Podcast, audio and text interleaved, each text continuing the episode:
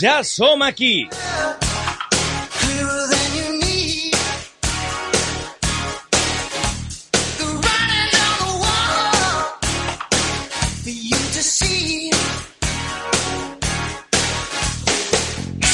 Arriba el vostre espai personal de desconnexió.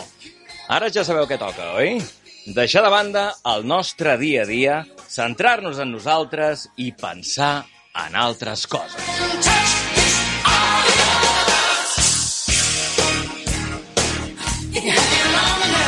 I no és per menys, l'actualitat de les darreres setmanes continua marcada per la guerra, també pel cas del pilotasso de les mascaretes, tot s'ha de dir. Cada cop van quedant més retratats el Luceño i el Medina. L'actualitat també passa per les proves d'ADN que s'han trobat a l'habitació de l'animal violador de la nena d'Igualada. També per la compra de Twitter per part d'Elon Musk. De tot això se'n parla diari.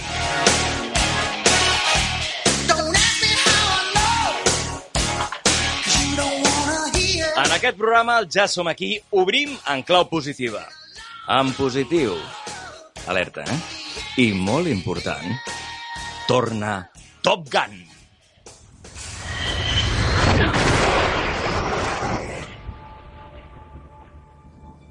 ¿Qué tenemos por aquí? Yo creía que éramos especiales. Chicos, este es Patán. Hangman. Pues eso. ¿Qué misión es esta?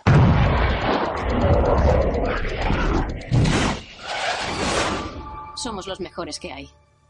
¿A quién van a traer para enseñarnos?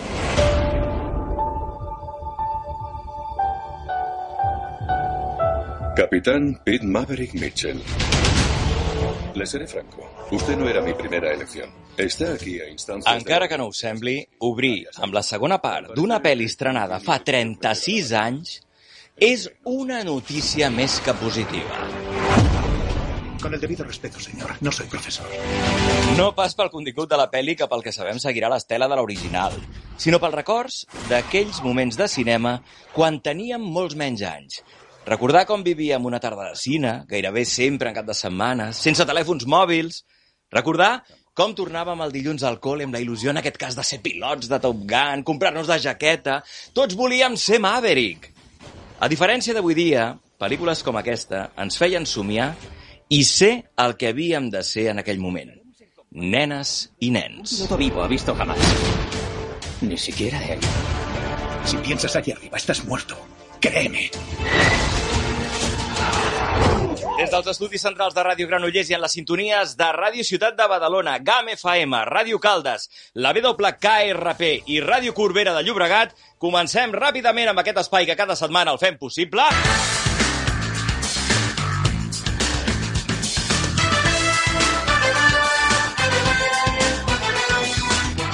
Tots vosaltres, Laura Garcia, Kamala Harris, Coque Calderón, Mireia Girbau, Ariadna Carmona, Marta Sitges, Joaquim Bosch, Laura Grau... Joel Parera. L'Abril Pomares. Hola, Edu!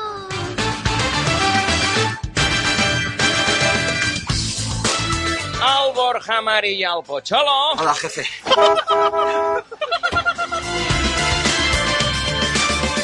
I qui us parla? Eduard Buil.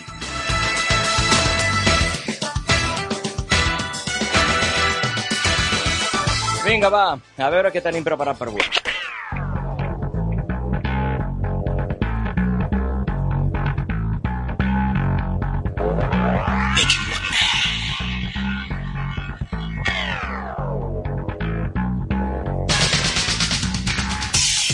Mireia Girbau, benvinguda. Hola, Edu. Com estàs? Doncs molt bé. Així amb la primavera a tope, així Ah, supercontenta. perfecte. Molt bé. Encantada. Amb què comencem?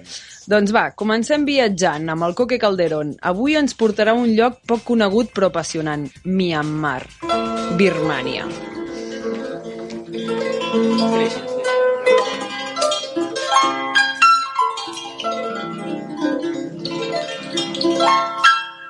ကလေးရဲ့တို့တို့တောင်းတောင်း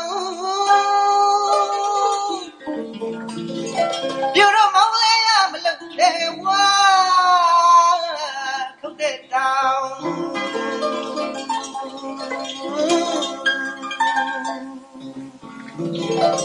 နွားညီနောင်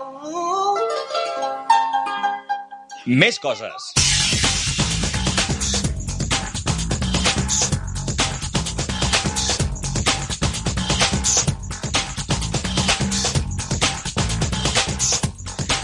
Tenim llibres. La Laura Garcia, de la mà dels amics de Book Lives, ens porta cada setmana literatura per ajudar-nos en el nostre dia a dia. I avui ens parla de l'assetjament escolar. I pareu atenció perquè avui ens acompanya el Ja som aquí, un convidat molt i molt especial. Buena, muy buena. En fin, es un. Es un crío auténtico, ¿sabes? Le. Hemos comprado. Nos compramos unas grabadoras digitales, ¿ve? Para enviarnos notas, no sé, y cosas rápidas, hablar. Fin de semana, Batnik. No te conozco, no existes. Joder. Vaya carro. Sí. Conduzco yo. Uh, olvídate, no pises. Dios. Calla arranca la- antes de que uno de estos retrase. Avui ens visita un dels actors de doblatge més coneguts. Ha aparegut a un munt de pel·lícules i sèries. És la veu de Matthew McConaughey, de Bradley Cooper, de Joaquin Phoenix, Jeremy Renner, Colin Farrell... Avui ens acompanya Sergio Zamora Solà. Quin actor més impressionant. Però tenim més coses. Tenim a la Laura Grau, qui des de la secció de sostenibilitat del Ja som aquí ens ajudarà a contribuir al benestar del planeta. Serà la segona part del programa. Una segona part que també ens porta música electrònica. De la mà del Joel Parera, cap tècnic del Ja som aquí i presentador del programa Viatge Electrònic, amb ell seguirem repassant la història de la millor música electrònica. Per cert, que parlant de música, també tenim a un convidat realment espectacular. Serà la segona part del programa i és una... Encara que no us ho sembli, és cartell del Primavera Sound i és un grup realment impressionant.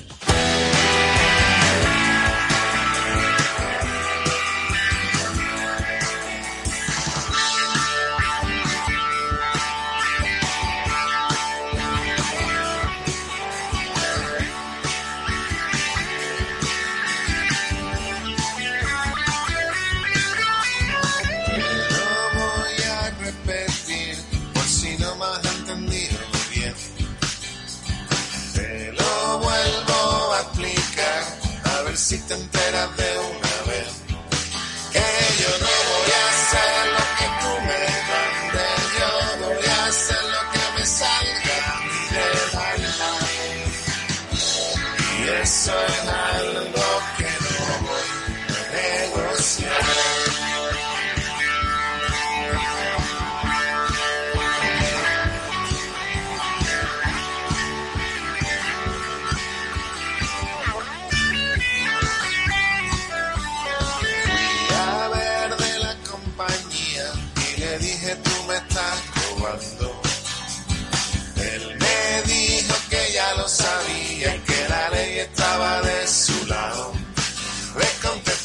Grupo d'expertos Sol i Nieve.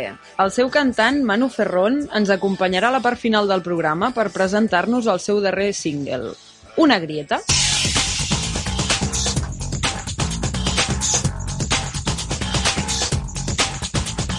Després del Manu Ferrón seran gairebé les 3... Bé, més que res, serà 3 quarts de 5 de la tarda aproximadament i com és normal tindrem gana. Per això ens acompanyarà l'Ariana Carmona de l'Espai Nòmada per fer-nos venir més gana i, això sí, donar-nos els millors tips i receptes de cara al cap de setmana. Que tinguin una bona cuina. I per acabar, Per acabar, cinema, sèries i el programa de Tele Vintage. Tot plegat amb els oients, amb el Joel i amb tu mateix. gràcies, Mireia. A tu, Edu. Tot plegat sona molt bé, però a veure, anem carregats, carregats. Suena encantador. Benvingudes, benvinguts. Ja som aquí.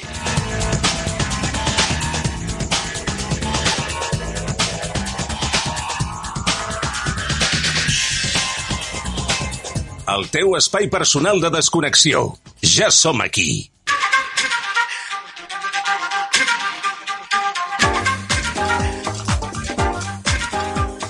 Començant el programa viatjant a llocs meravellosos. El cert és que a la major part de nosaltres ens encanta fer-ho. I més, si els nostres guies són uns dels experts, bé, majors experts a nivell planetari que hi ha. Avui li toca al Coque Calderón. I avui ens porta, com dèiem, a Myanmar.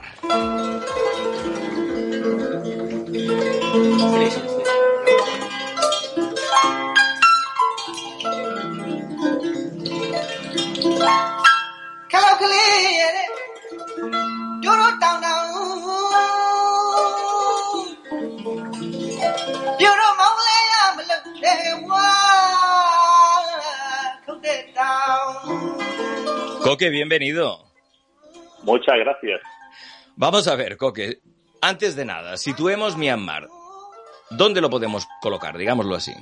Myanmar es un- el país más grande del sureste asiático, tiene 60 millones de habitantes y se sitúa entre India, Bangladesh, China, Laos, Tailandia y el mar de Andaman. Caray, ¿cuándo fuiste tú? Yo hará 10 años. Pues mira, tenemos gente del programa también fueron hace 10 años. En realidad es un sitio que por lo que están diciendo es apasionante. Lo que pasa es que es un hecho que en muchos países no tan frecuentados y conocidos, uno de los factores clave cuando dices, venga, vamos a ver cómo está el tema en Birmania, ¿no? Dices, pues vamos a ver la situación política. ¿Cómo está el tema por allí? Mal. Ah. En, en Birmania, eh, bueno, pues eh, los últimos últimos años, desde 1962 al 2011, ha habido una dictadura militar. Después de 2011 hicieron unas elecciones y el 2021 ha vuelto la junta militar.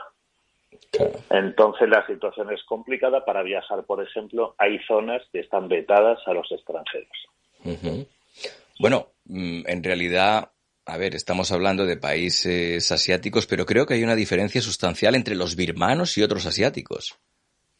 Sí, los birmanos, tú aterrizas en Birmania sin saber dónde estás y se nota fácil por varios factores. Por ejemplo, Tanaka. El Tanaka es una especie de pasta que hacen eh, y se frotan la cara con una pasta como blanca, eh, hombres, mujeres.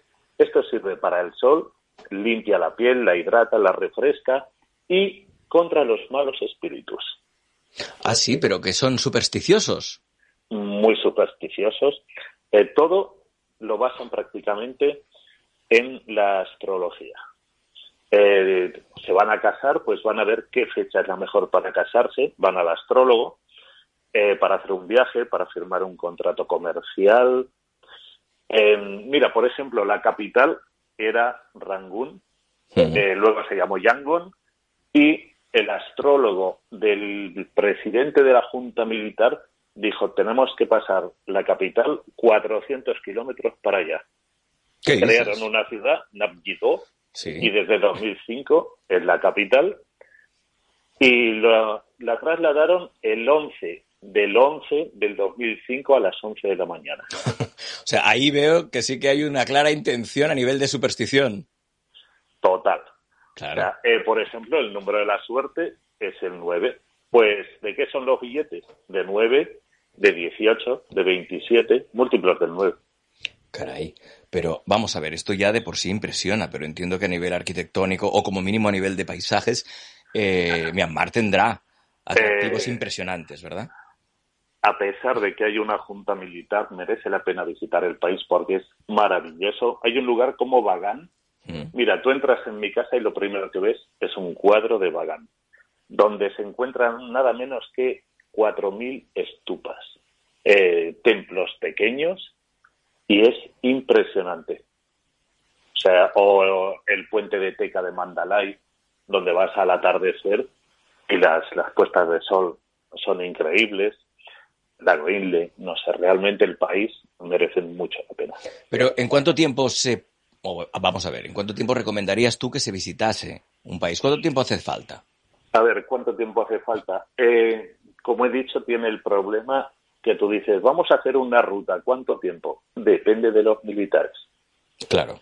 Hay zonas que no puedes ir. Yo estuve Bagán, Mandalay, fuimos eh, de trekking al lago Inle. Intentábamos escapar de, de grandes ciudades decíamos, bueno, pues si le gastas dinero, pues que sea en, lo distribuimos, pues a este le compro esto, me hospedo en este sitio, todo muy humilde era. ¿Qué es lo que se puede comprar? Porque ya que estás hablando de hacer compras. Pues comprar artesanía. Tú ves artesanos ahí haciendo cositas, dices artesanía. Yo fui en plan mochilero porque es que no hay infraestructuras en el país. Eh, por ejemplo, pillamos un tren para ir a Mandalay, eh, salimos a las eh, 8 de la noche y llegó a las 6 de la mañana. Caray. 120 kilómetros. Vamos, que íbamos como pisando huevos. Y, y un tren, pues, a ver, es todo como pudiera ser en el siglo XIX, aquí. Eh, el tren se iba moviendo continuamente, no tenía cristal en la ventana, solo el agujero. Sí. O sea, La gente te, adelantaba caminando por el lado. Los caracoles. No, en- sinceramente, yo pensé que el tren había descarrilado por cómo se movía. Digo, no puede ser que vaya por una vía. Entiendo que con lo que nos cuentas, a muchos de los que nos escuchan, sin duda les han entrado ganas de ir, porque por más que digamos que nos podemos trasladar al siglo XIX en cuanto a infraestructuras, tiene un encanto especial. Pero, ¿qué ruta recomendarías? ¿Dónde, bueno, ruta, alojamiento, qué nos dirías? Sí, por ejemplo, eso, ir a, a Bagán, la zona de los templos. Bueno, por supuesto, hay que volar a Rangún, la antigua capital, Yangon, se llama ahora, antigua capital, porque solo se puede volar allí desde Vietnam. Vale. Entonces, mm, llegar ahí, la ciudad realmente tiene poquito, pero bueno, luego pues fuimos a Bagán, a Mandalay. Eh, Rudyard Kipling escribió poemas sobre Mandalay, un sitio increíble. Lo mejor de, del país es la gente. O sea, la gente es increíble porque en otros países te dicen, hola, eh, te vendo una postal con una sonrisa de oreja a oreja, dicen, no compro, te ponen cara de, de póker y se van. Ahí llegan, dicen, te, te vendo una postal. Digo, no, es que no compro. Es lo mismo, ¿cómo te llamas? Y te hacen una batería de preguntas, pero totalmente inocentes. O sea, inocente la forma como te lo preguntan. Eh, ¿Cómo te llamas? ¿De dónde eres? ¿En qué trabajas? ¿Y cuánto cobras? Te dices, perdona. ¿Y estás casado? No, ¿por qué no? ¿Y tienes hijos? No, ¿por qué no? Pero todo totalmente inocente. Quieren conocer al extranjero. Éramos poquitos. Estábamos como 25 en todo el país, calculábamos. Bueno, eso es algo que me comentaron, que tampoco era muy habitual poder ver a extranjeros para ellos, ¿no? Que realmente iba una persona con la piel más blanca o, o digámoslo así, de turismo y que tampoco estaban muy habituados. ¿Eso es cierto? Eh, totalmente. Es más, el que tiene cámara de fotos en el móvil te hace fotos. Se te acerca y se pone a hacerte fotos. Y yo he visto, pues eso, gente señalándonos. Todo el mundo se acerca a hablar. Es, es muy curioso. Tú ibas con la camiseta de Messi, ¿verdad?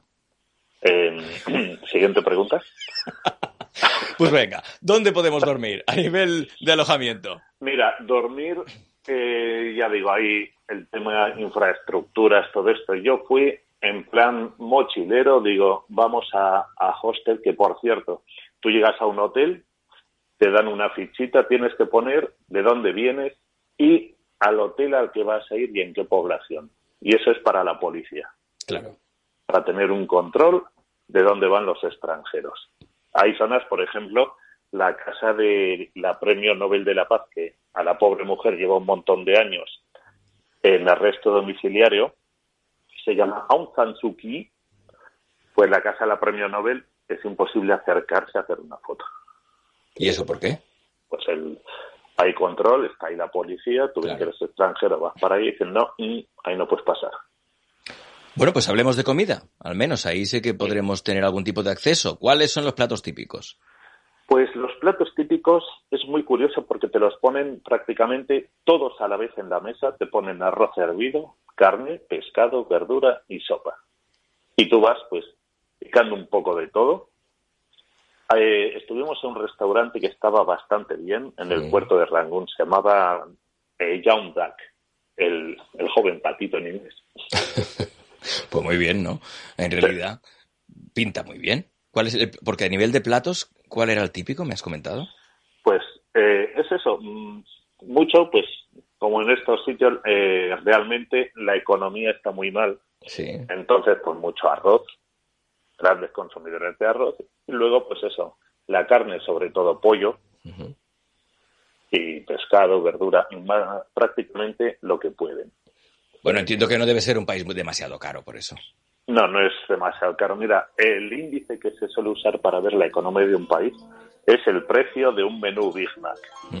¿Y allí Dos, cuánto? e- dos euros. Dos euros, el menú Big Bang. Dos euros. Un paquete de Malboro, 1,78.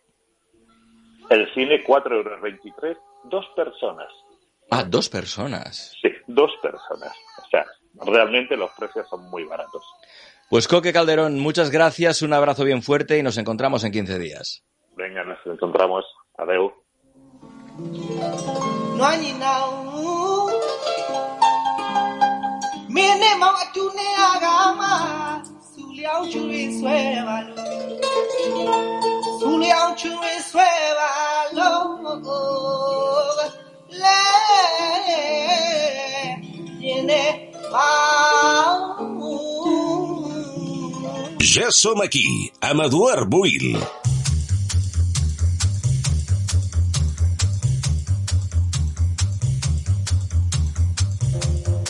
Ralph W. Sockman va dir, el coraje aparece cuando estamos en minoría y la tolerancia cuando estamos en majoria. I d'això ens parla la nostra companya Laura Garcia, qui, com sempre, amb els amics de Book Life, ens dona les millors eines en forma de llibre per tal de millorar les nostres vides.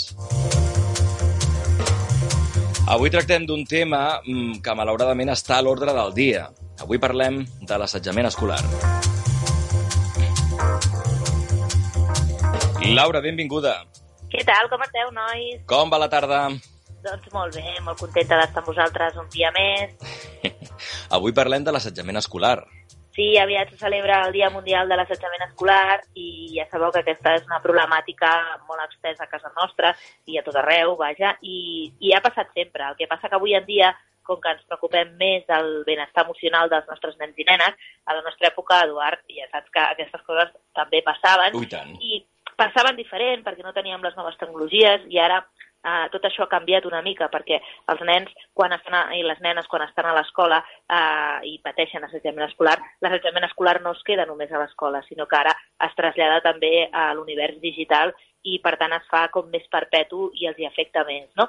Però això ha passat sempre. El que passa que s'ha de, se n'ha de fer front i s'ha de prevenir, sobretot, perquè és una, és una problemàtica que afecta tots els nivells i que, i que pot ser molt greu, no? I que pot portar alguns nens i nenes i joves a unes conseqüències totalment nefastes, no? I ja saps, Eduard, que la literatura sempre ens ajuda, sobretot perquè són temes que costen de parlar, no? I A la- tant. A la classe amb els, hi ha molts nens que, i nenes que no volen parlar amb els pares, no? sobretot quan es van fent més grans. I això porta també molts problemes, perquè si no en parlem amb els pares, si no els expliquem què ens passa, no ens poden ajudar, no? I aquests nens se senten molt sols, No, no? i, I en són molts, Laura. Pensa que fa ben poquet eh, eh, se- s'atenien a 850 casos d'assetjament escolar i maltractament infantil a Catalunya. O sigui, no estem parlant de xifres petites.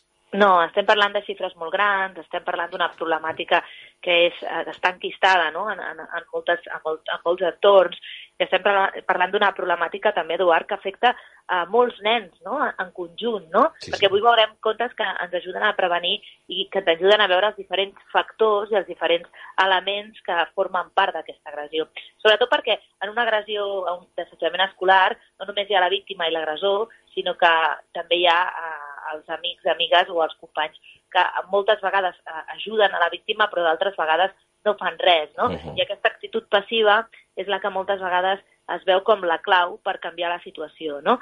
Si els nens i nenes que, que són eh, testimonis d'aquest assetjament escolar moltes vegades mm, en prenguessin partit, no?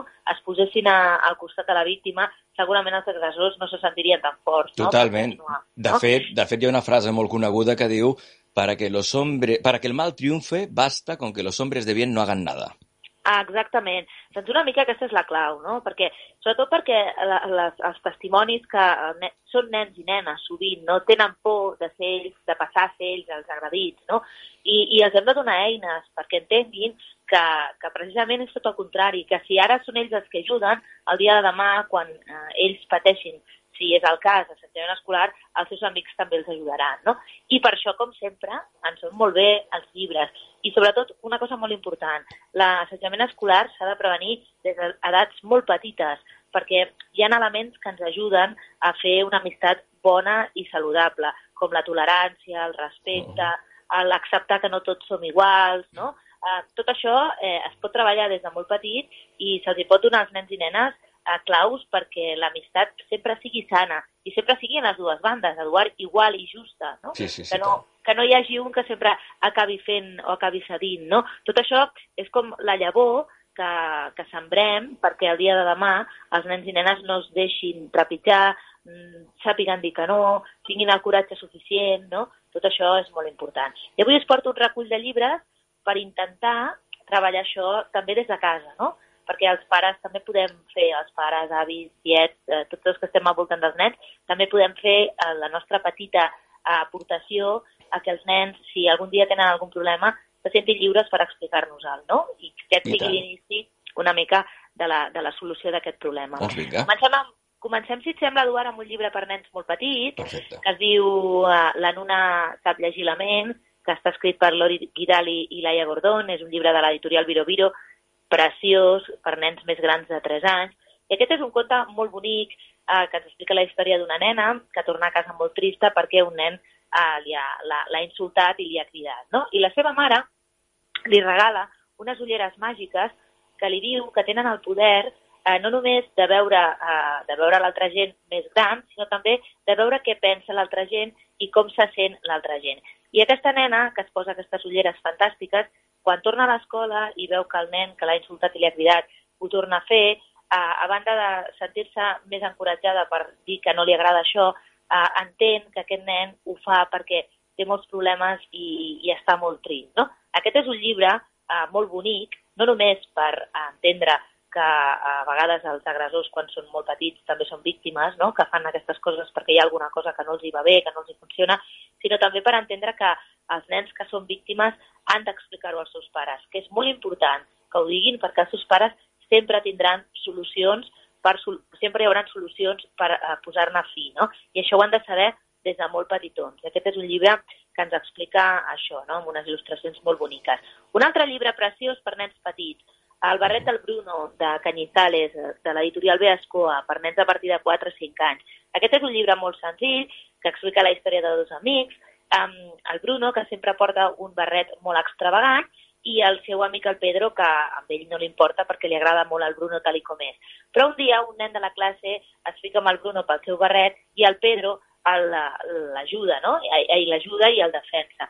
Però eh, el que era el Bruno, clar, passarà a ser el, el, el Sergio, o el Sergi, no? Que eh, començarà a ser ell l'objectiu de les burles de l'altre. I aleshores deixarà de ser eh, amic del seu gran amic amb una injustícia que a vegades sol passar. No? Aquest és un llibre per entendre que si defensem els nostres amics eh, podem patir les conseqüències, Sí. però que mm, el, els nostres amics també ens ajudaran a nosaltres, el que dèiem al principi, no, Eduard?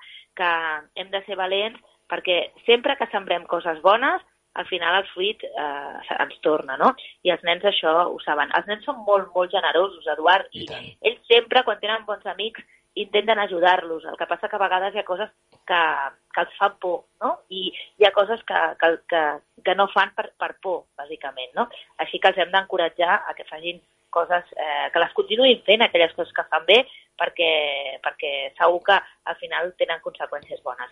Hi ha un altre llibre molt bonic que es diu Sí. el monstre petit diu que no, que és un monstre molt, molt petit, que hi ha un monstre gran que sempre es fica amb ell, fins que un dia el monstre diu que s'ha acabat i s'omple de coratge i li diu que ja mai més el deixarà tornar-se a, a ficar amb ell. No? És un llibre que els demostra als nens i nenes que, eh, que a vegades allò que ens fa més por eh, deixa de fer-nos por quan fem el pas i ens, eh, i ens convertim en petits grans herois i diem que no, no? perquè aquest conte s'acaba veient que el gran, gran monstre no és tan gran a nivell de sentiments i emocions perquè té molts problemes i té moltes pors, no? Sí. A vegades només s'ha de creuar aquella petita línia no? que ens separa de les pors per intentar eh, superar i ser, i ser, i ser... Bueno, els nens són molt valents, Sí, tant. a vegades els, els, hi costa, els, els hi costa una miqueta fer el pas, no? Doncs amb aquests contes eh, intentem que facin aquest pas. Per nens més grans, tenim un llibre per nens a partir de, 5, de 6 anys que es diu Vermell o perquè el bullying no és divertit, que aquest és un llibre imprescindible, està narrat en primera persona per una nena que al principi eh, forma part d'una agressió a un altre company de, innocent, com un joc divertit, però que aviat se n'adona que això no és gens divertit, que, que estan fent mal a l'altre amic i intenta parar i denunciar aquella persona que està fent això. Eh, li costa molt, té molta por perquè de nou pensa que serà ella l'agredida, però finalment la seva mare l'ajuda i l'encoratja i se n'adona compte que és el millor que podia haver fet. No? És un conte fantàstic per treballar a l'escola i a casa Sí. i per, per, per entendre que hem d'actuar, no? O sigui, tinc, o sigui el, els adults també a vegades els hem d'encoratjar, no? Si hi ha el nen que arriba a casa i ens diu ostres, és que la meu amic o la meva amiga li fan això, no? I hem de tal... Jo sé que és molt difícil perquè no volem que els nostres fills siguin, uh, pateixin no? Sí. les conseqüències d'un assetjament escolar, però mm, és important que els, que els hi expliquem que a vegades depèn de que ells també els def defensin els altres, no? una mica, i es posin a, al costat de, del seu amic. És que és l'única manera de començar a prendre la iniciativa i començar d'alguna manera a prendre mesures que, que tenen un resultat o que tindran un resultat positiu, perquè és que si no, de vegades fins i tot els nens és que no ho diuen per por. És, és això, no? Tenen molta por de, de ser ells, no? L'objectiu de, que, de, que els, de que els agressors canvin el focus, no? Exacte. I, I siguin ells els agredits, no? Eh, però clar, tu ja saps, Eduard, que la unió fa la força. Sí, tant. I que els agressors normalment ho fan perquè se senten més forts que la, que la víctima, no? Si veuen que, que la víctima està recolzada per més nens, segurament deixaran de fer-ho, no? Perquè se sentiran, eh, sentiran que no són prou poderosos per continuar-ho fent, no? Per tant, és tan important com això. Des de l'escola es treballa molt, no? Sí. Però a través dels llibres es pot continuar fent. Totalment. Anem, per, anem amb contes per nens més grans, un conte per nens a partir de 9-10 anys, que es diu Estimat monstre, de Lluís Prat i la Laia Pàmpols. És una novel·la per primers lectors, fantàstica, plena de tendresa i, i d'aventures. Està protagonitzada per l'Abel, que és un nen molt tímid, eh, molt petitet i que, a més a més, eh, tartamudeja, no? Eh, només té una amiga, l'Olga, i molts enemics que li fan la vida impossible. Però un dia eh, el- l'Abel coneixerà el Gabriel, que és un nen molt especial, a qui tothom diu que és un monstre, perquè eh, és, algú, és un nen que eh, és una persona gran, eh, bueno, no us vull desvetllar de res perquè vull que llegiu la petita novel·la, eh, però que va patir assetjament escolar quan era petit, no? I arran d'això ha tingut sempre molts problemes i s'ha convertit en una persona molt introvertida, que no vol compartir la seva vida amb ningú. És un llibre per fer entendre als nens que si no ajudem a les persones que, que pateixen assetjament escolar, si no els donem el nostre recolzament, si no estem amb ells, eh, això pot tenir conseqüències en el seu futur, no? I que, i que, que val molt la pena, perquè a vegades hem, no, només van sent les nostres pors, podem fer molt, molt de bé. Doncs Laura Garcia, moltíssimes gràcies. Com sempre, sens dubte, avui és un tema que dona molt que parlar i que, per, per suposat, recuperarem amb la Mercedes Bermejo en la secció que tenim de psicologia infantil. La lectura. La lectura és una de les eines fonamentals i bàsiques per poder, com a mínim, començar a donar un pas endavant en contra de l'assetjament escolar. Laura, moltíssimes gràcies. Gràcies a vosaltres, una abraçada supergran, que vagi bé. Una abraçada ben forta.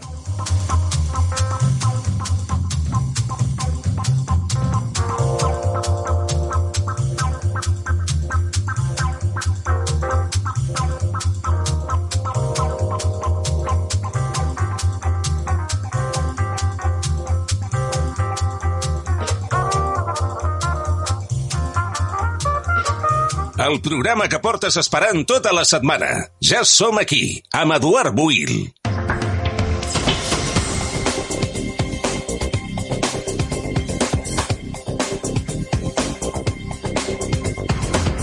Molta atenció, ja sabeu perfectament que tots vosaltres sou part del Ja som aquí.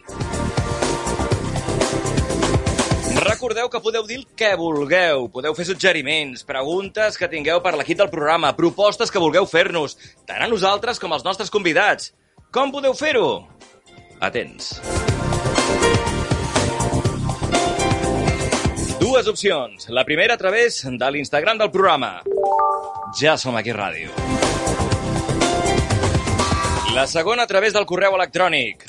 Ja som aquí ràdio arroba gmail.com ja som aquí ràdio arroba gmail.com Ja ho hem dit, sou part de l'equip del Ja som aquí. Recordeu, escriviu-nos, digueu-nos el que considereu i ho tindreu tot reflexat en antena a través de la nostra central de dades.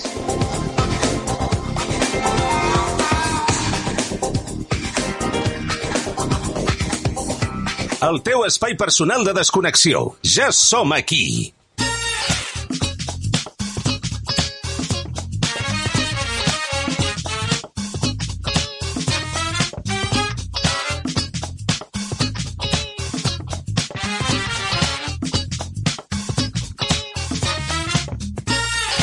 Sé, no sé. Coens, què fem en aquest programa quan ens acompanya un dels grans? Abaixem la música. Abaixem la música. És que no és per menys. Buena, muy buena. En fin, es un. Es un crío auténtico, ¿sabe? Le. Hemos comprado. Nos compramos unas grabadoras digitales, ¿ve? Para enviarnos notas, no sé, y cosas rápidas, hablar. Fin de semana, Batnik, no te conozco, no existes. Joder. Vaya carro. ¿Sí? Conduzco yo. Uh, olvídate, no pises. Dios. Calla y arranca antes de que uno de estos retrasos. Héctor, este es el plan. Nos traerás dos martinis de Absolut. Ya sabes cómo me gustan, sin hielo. Luego, exactamente siete minutos y medio después, nos traerás dos más. Y luego, dos más cada cinco minutos, hasta que uno de los dos caiga O redondo. de un horario limitado para escribir en el cuaderno. Desde que vuelvo del instituto hasta que me voy a la cama. Por supuesto, en el instituto.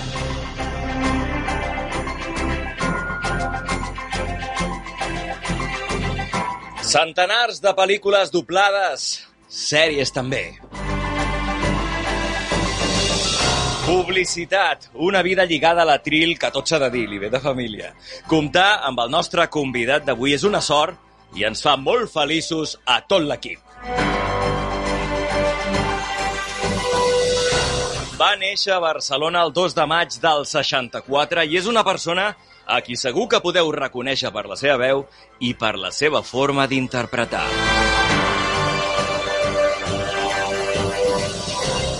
Avui ens acompanya el Ja som aquí, Sergio Zamora Solà.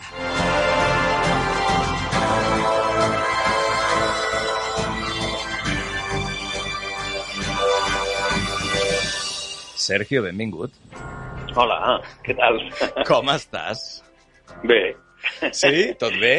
Estava escoltant aquí, ara, perdona que faci aquest, aquest incís, estava escoltant aquí mentre esperava a la Laura, Sí. amb, aquesta, amb tot això que explicava tan interessant, Sí. que, està, que està molt bé, i amb tot aquest auge dels audiollibres que ara s'està fent, sí. seria interessantíssim que aquests llibres també es poguessin fer a través d'audiollibre perquè poguessin arribar moltíssima més gent. Home, sense cap mena Bueno, de dubte. escolta. De fet, la Laura... Seria, seria fantàstic. No, no, per suposat. Eh, eh, de fet, tu crec que tu també fas algunes coses en aquest sentit, sí, oi? Sí, sí, per això, per això et dic que arrel d'aquest auge que hi ha ara, que jo estic fent també molta cosa, molta cosa d'audiollibres, que pogués, que pogués mm, veure de quina manera ho enfoca perquè, perquè li pogués fer qui li interessi, eh? no és que ho vulgui fer jo, eh? perquè jo amb tota la feina que tinc no sé si tinc 5 minuts al dia per fer res més. Home, de fet, la, la Laura ja està amb, amb Book Live, que són llibres que t'ajuden Ah, amb el teu dia a dia, no? En realitat, però a nivell d'audiollibres trobo que és interessantíssim, i més en casos Sí. que poden ser determinants com aquest, el que parlàvem de l'assetjament escolar. Exacte, exacte. Totalment. Que pugui, que pugui arribar a més nens que potser els costa potser una miqueta més llegir aquests llibres o que per molt que els, els hi llegeixin els pares, no sé, o, o inclús els pares o a gent més gran, eh, és un, és un auge que és fantàstic per, per, una, per tot un grup de gent que, que, bueno, pues que potser li costa una miqueta més arribar a aquesta manera de- d'accedir als llibres. Sense cap mena de dubte. Sergio, abans de res, sempre avisem, en aquest programa, més enllà de la faceta professional, que també, d'acord, intentem conèixer a la persona que hi ha darrere del professional. Així que et sembla bé que coneguem el Sergio? I tant. Sí? Sí, home, i tant. doncs vinga, va, tirem enrere. On comença la teva història? Vas néixer a Barcelona, a quin barri? Al barri, bueno, al carrer Balmes, bàsicament. Molt bé. Vivíem allà amb els meus pares i, i, bueno, vaig néixer, curiosament, el meu pare, que era metge, bueno, ara es, va retirar, eh, Sí. treballava a la Creu Roja, Sí. però la Creu Roja, curiosament, abans es deia Clínica 2 de Mayo, I jo vaig néixer el dia 2 de maig, al carrer 2 de maig, a la clínica 2 de maig. Ja és, ja és I casualitat. una cosa que jo vaig dir, bueno, això ha, ha, ha, de, ser, ha de ser per alguna cosa. Ah, per suposat, això ja té una determinació astrològica, com dèiem a la secció de, de viatges. A quina alçada de Balmes vivies? Al carrer, al carrer València, a l'alçada de Palmes València. Molt bé, a l'Eixample. On viuen els pares ara, igual. Sí, oi, perfecte. I com recordes la teva infància? Què t'agradava fer? Jugar, imitar a l'Epi, que pocs anys després, quan ja vaig convertir-me en professional, vaig arribar a doblar-lo, i va ser una cosa espectacular. Mare meva. Eh, no sé, eh, jugar molt, estar amb la meva germana molt, que ens estimàvem molt, igual que ens estimem ara, i, i viure feliç, eh, i ja està. Es van preocupar molt els meus pares de, de, de, de, de, de tota aquesta vessant de que pogués viure feliç i ser persona, a més a més de, de que pogués estudiar i després a la llarga dedicar-me al que, al que creiés oportú, depenent de la, de la meva trajectòria. Deies de la teva germana, alguna baralla entre germans d'aquella que recordis? Sí, com sempre. Però bueno, de tota manera jo sempre li anava buscant la mà. Sí, Sí, Portem oi? tres anys i mig i, i sempre, jo sempre volia estar de la mà de la meva germana. Clar. I no, no, baralles fins que ja no vam ser més grans, una baralla puntual i poques més després. Bé, per la roba, per la roba no seria. No, no, no. no. Bon estudiant? Mm, sí, però avorrit. Em, em, em semblava tot bastant avorrit, perquè sóc bastant hiperactiu i aleshores em, em semblava tot com bastant avorrit, no? Se'm, se'm donava molt bé mm, tots els estudis, aleshores eh, em cansava, i aleshores estudiava poc i, i suspenia. Ah, bé, clar, sí, sí, això tot en veu té.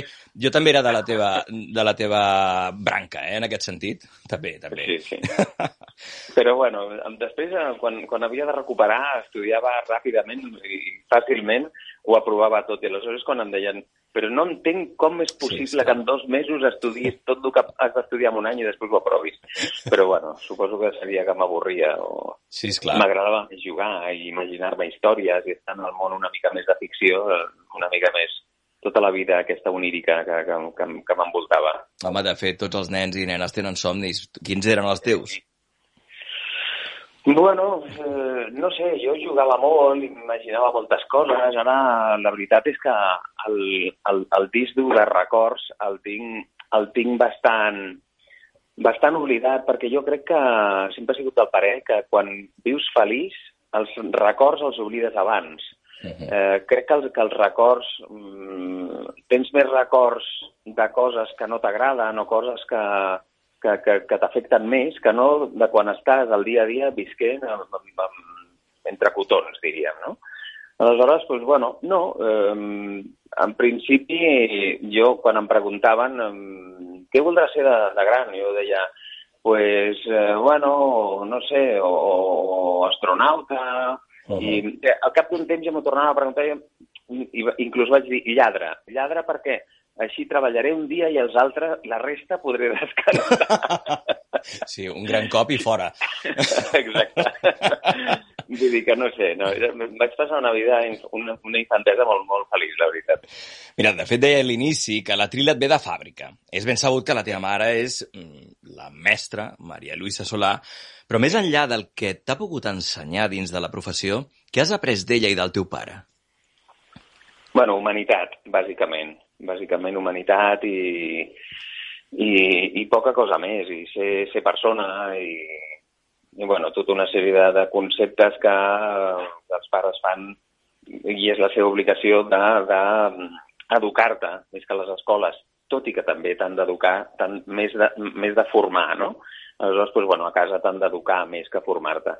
I, I així ha sigut, i així ha sigut. I de petit, de fet, eh, professionalment, va haver un moment que, que vaig haver de començar... Vaig haver... Necessitaven una veu per a una pel·lícula i jo tenia 4 anys. Any 83? No, molt més abans. Abans. Molt més, molt més abans, a l'any 70. 70, 70. A l'any 70, jo començo professionalment a l'any 83, però uh -huh. sobre l'any 70 o així, puntualment van necessitar dues coses, que una va ser en una pel·lícula que es deia El anillo de los nivelungos. Los nivelungos. Eh, sortia un nen allà que deia no sé quina frase i no, ten, no hi havia nens en aquella època que es dediquessin a això. Ni, ni tan sols les dones feien de nens, perquè era molt, molt avançat. Aleshores, bueno, doncs vaig fer res, una frase, i després em també un anunci de publicitat que es deia Dianas Beltine, que eren unes dianes d'aquelles que tu tiraves una bola que era de velcro. Si jo la tinc, eh, la bola, jo tinc aquella bola, eh, de velcro, ja di- ja t'ho dic Sí? ara. Sí, la tinc, la tinc, la tinc. pues, bueno, pues, aquell va ser el meu inici. Després ja no vaig fer res més fins als 18 anys, no? fins al 83, 84. Home, i recordes com va anar aquella sessió de nivell Ungos? Hòstia, me'n recordo que... Me'n recordo molt de Veu d'Espanya, que era l'estudi on, on, on, inicialment va començar a treballar també la meva mare, amb Parlo i altres, i altres estudis. I jo l'acompanyava moltes vegades i em passava, em passava la tarda pujant i baixant una escala que tenia com 50 esglaons i, i hi havia una barana i jo em passava la tarda pujant l'escala i baixant per la barana, pujant l'escala i baixant per la barana. Fins que em deien, cállate que se está colando el sonido por la sala. I aleshores, eh, bueno, pues un dia eh, van necessitar això, un parell de veus, em van, i em van dir a mi i a la meva germana si podíem anar, la meva mare em va dir, bueno, va, si queréis, pues podemos ir a, a, a provar a grabar estas frases i tal, i vam anar allà, vam gravar, i poc més, va ser com un joc, entrar allà, fer les frases i tornar a marxar, i tornar a agafar l'escala i tornar a baixar l'escala una altra vegada, perquè, Esclar, fins a... perquè allò era lo divertit. Ah, clar, ah, tu t'ho passaves bé, eh, clar, almenys potser atractiu era dir la frase, oi? Exacte. jo estava esperant acabar la frase per poder tornar a baixar per l'escala. Entenc que tot va quedar com una anècdota, el que dèiem, perquè fins l'any Sí. 83 no vas començar a nivell professional. Tu vas seguir estudiant i, de fet, amb el temps vas estudiar informàtica, però per què informàtica? Bueno, no sé, perquè en aquella època, quan estudiaves Basic, COBOL, Fortran i aquests idiomes informàtics, encara no hi havia ni, ni, ni, ni ordinadors. No, què va? Vull dir, eh, i aleshores t'en- t'en- t'ensenyaven, quan començaves el, eh, quan començaves el Basic i el Fortran i el COBOL, t'ensenyaven a, a comptar amb l'àbaco i t'ensenyaven una sèrie de coses i, no sé, em vaig sentir curiositat per tots aquells idiomes, com si diguéssim, eh, a part de, del, del parlat i, i bueno, vaig començar amb allò, vaig començar amb allò, però evidentment el primer any, després d'estudiar informàtica, vaig veure que allò no era per mi i vaig dir no, fora. A, a, a més agreujat perquè me'n vaig haver d'anar al servei militar i Ostres. aleshores pues, ja allà es va trencar una miqueta, gràcies a Déu, als meus estudis informàtics. Però no vas... I al- aleshores, pues, no, bueno. A la mili no vas anar al calabós, oi? No, no, no, no. no. Vas No. un bon Jan. Sí, sí, sí, vaig sortir molt bé. Vaig tenir molta sort, també. També vaig ser dels enxufats, vaig estar Sí, un temps a... Vaig anar a marineria, però a Madrid, imagina't. Ah, sí, clar, allà un moviment... Exacte. L'altre dia ens deia el Jordi Buixaderes que el seu pas, per dir, vull ser actor, va ser tan gradual que no ho va haver de dir a casa. Tu com tu vas fer això? Jo, de fet, és que quan va passar això que vaig deixar d'estudiar i vaig començar la mili, eh, com vaig tenir la sort en el servei militar... De... Bueno, vaig començar una miqueta abans a Cutelever, que era l'estudi de l'Albert Trifol. Sí, home, i tant. El pare, el pare de la Nuri Trifol i del Tito Trifol. Mm. I vaig començar amb ell pues, des de baix, absolutament des de baix, que era des de muntar sales Sí. fins a treballar de traducció de francès i anglès al, al castellà, a treballar d'ajudant, a treballar el que fes falta. Algun cafè? Eh, també. També. També hi ha algun whisky, també. Sí, que t'ho demanaven en aquella època, sí, sí. sí, No, i tant, no passava res, i tothom fumava a sala, i allà Tothom. a Londres quan entraves en una sala, era terrible. Sí, sí, sí, Però, sí. bueno, era, era aprendre la professió des de baix, no? I, i bueno, i, i aleshores, en aquell, en aquell temps, pues, me'n vaig anar, haver d'anar a la mili, després vaig tenir la sort que vaig poder estar en el, en el, a la casa de l'Almirant i aleshores feia un mes a Madrid i un mes a Barcelona. El mes que estava a Barcelona estava treballant a l'Eder Mhm. i el mes que estava a Madrid, pues, estava a Madrid. No? I estava allà fent el, el ronso perquè no podíem res a casa de l'Almirant. Però, bueno, en- en- això després és el que serveix per pagar els impostos. No? Sí, esclar, i tant. perquè hi ha gent que no foti brots. Per cert que, déu nhi ja està, i aleshores allà vaig arrencar i, i arrel d'això, pues un dia l'Albert em va dir oye, ¿por qué no te pones en el atril y haces unos takes aquí i tal? Sí.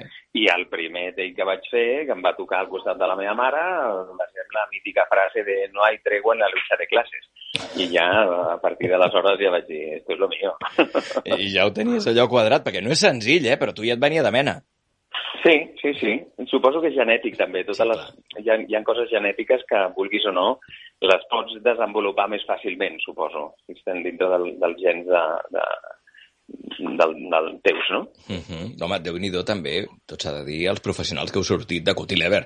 Recordo Lluís Posada, Sí. que també va estar aquí al programa, i, i ens va dir Sí, la sí. importància que tenia, que tenia Sí, sí, sí. per ell aquest estudi. Inclús ha sigut la millor escola que ja ha existit eh, mm, de sempre, eh, perquè estaves allà, estaves fent hores de sala, cosa que ara és impensable perquè amb la confidencialitat que hi ha de totes les pel·lícules i de totes les coses no deixen que, ni, que ni entri ningú, això fa que la gent no pugui veure com treballen els professionals, sí. com es treballa, com has d'estar a sala, com has de... És molt difícil, no? I en aquella època ens passàvem hores i hores i hores i hores a dins de sala. O sigui, entràvem a les 8 del matí Sí. i sortíem a les 11 de la nit fent una hora eh, per, per dinar. O sigui, fotíem totes les hores del món. Brutal. Home, de fet, et van donar, com és d'esperar, papers esporàdics de sèries, però va arribar el dia. Yo me arriesgaría a todo, porque lo único que temo perder eres tú. Tú eres toda mi felicidad. Hay otras maneras de ser feliz. Podríamos intentar descubrirlas. No me interesan. Eida, por favor. Eida, no quiero violencia. No metas a una mujer en esto. No, No lo lo permites. Déjame, Morris. No empeores las cosas. Morris, doblant a Hugh Grant. Déu-n'hi-do, Déu-n'hi-do. Ha plogut, És eh? la meva primera estrena en cine. Sí, oi?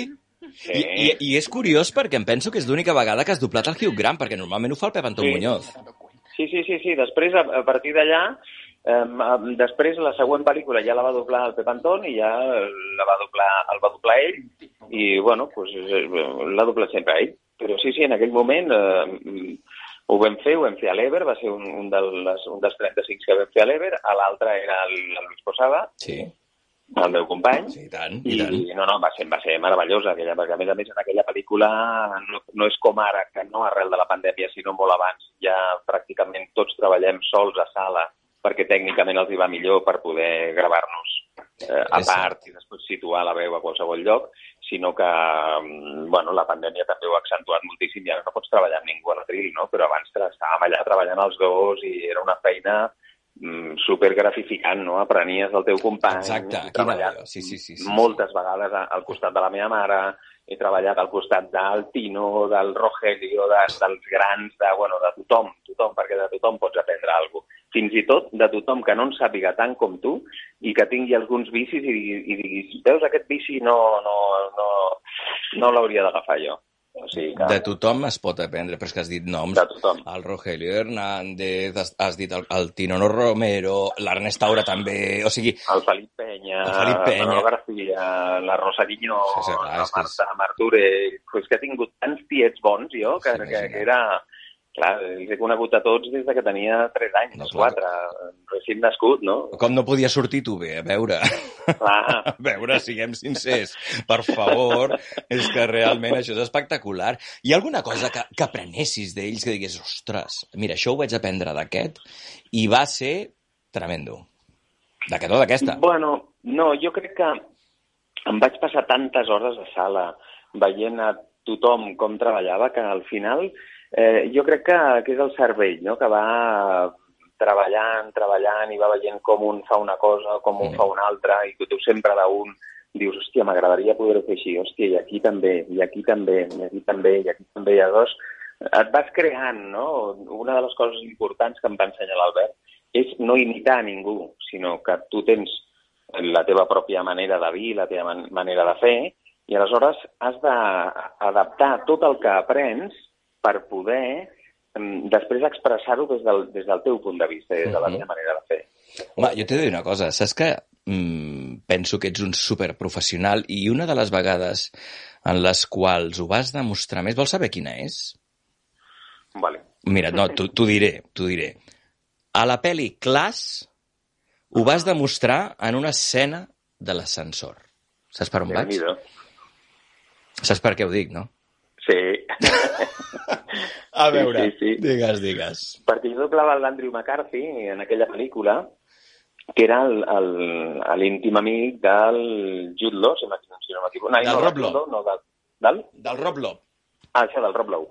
I, i bueno, pues el Rob Lowe tenia la seva mare, que era la Jacqueline Bisset, que qualsevol voldria tenir una mare així. En aquell moment. I aleshores, clar, com no era la meva mare, concretament en aquell moment, que és de l'Andrew McCarthy, vull dir, pues el tio s'enamora i es lia amb ella i té un, un, un, un rotllo dintre de l'ascensor, però el curiós va ser que a la Jacqueline Bisset la doblava la meva mare. I estàveu a l'atril. A l'atril, i estàvem els dos allà a l'atril. Oh, sí, vinga, man, sí, oh, sí. La veritat és que va ser, va ser molt professional, però va ser molt divertit. Va, va estar molt bé, va ser molt bé. I I, clar, di- poder treballar, sigui com sigui, al costat de la Maria Lluïsa, pues, és- sempre és un regal, no? Home, sens dubte. I el dinar familiar el diumenge a casa, tot bé? Sí, sí, sí. Sí, oi? Sí, sí. Cadascú a una punta de la taula i evitant mirar-vos. I després t'oblides i ja està. Besos los justos. Des d'aleshores, Sergio, has fet meravelles com aquesta. Máximo. Máximo. Máximo. Te aclaman a ti. El general que se convirtió en esclavo. El esclavo que pasó a ser gladiador. El gladiador que desafió a un imperio. Una historia asombrosa. Ahora el pueblo quiere saber cómo acaba la historia. Solo se conformará con una muerte memorable. ¿Y qué puede ser más glorioso que retar al mismísimo emperador en el gran coliseo? ¿Lucharías conmigo? ¿Por qué no? Sergio, com pots transmetre tanta enveja i tanta ràbia amb tanta tranquil·litat? Bueno, suposo que és això, són els anys, no? I, la, i el ficar-te molt bé en el paper, veure molt bé, també pensem que estem parlant del Joaquim Fènix. Sí, esclar, Aleshores, no, no estem parlant del Kiko Rivera, el qual no doblaria la meva vida. Sí, no, clar. Qui diries no? perquè no sabria com fer-ho. però, però, clar, estem parlant d'una bèstia en la Uf. qual pues, tu et quedes allà veient allò i has de dir, jo ho he de donar tot per poder arribar a transmetre allò que està transmetent. I, i bueno, gràcies als grans professionals que m'han ensenyat i de tots aquests que parlàvem, i molts més, pues, eh, he pogut arribar a, a, al nivell que, que, que estic aconseguint i que, evidentment, cada dia vas aprenent, però, sobretot, gràcies a tots aquests, aquestes bèsties que, que, que et donen l'oportunitat de poder doblar, perquè, clar, eh, és, és brutal com, com s'expressen el que fan, la mirada que tenen. Intervé molt la paralingüística, no? En, en, en això, sempre que tinc algun, al, alguna persona a través d'un curs o a través d'una un curs de lectura que he pogut fer fa uns anys o coses d'aquestes, sempre els hi transmeto molt que la intenció de la paralingüística, de, de baixar els ulls, de mirar d'aquests odis que, que, que reflexen aquests actors, s'han de transmetre també inclús amb els gestos i, i t'ajuden molt a poder expressar tot això. No, no, està claríssim. A més, jo entenc de la complexitat que té mm, interpretar el personatge, interpretar l'actor, la seva forma de fer-ho, però, clar, has de sentir el que sent ell, no? Tu recordes l'última vegada que vas plorar amb un paper? Doncs sí, em sembla que va ser inclús amb una pel·li també del Joaquín Fènix, que, eh, bueno, he plorat molt. Eh? Si s'ha de plorar, normalment jo ploro perquè, perquè, perquè et, et porta, a, a no ser que sigui una, una cosa molt falsejada, però si, si és una cosa molt intensa, acabes plorant perquè és la millor manera de transmetre. Aleshores, l'únic problema que tens a l'hora de plorar és que com treus llàgrimes no pots llegir, amb No, la qual clar. memoritzar el text. I aleshores pues, és, un, és una mica un enrenou, no?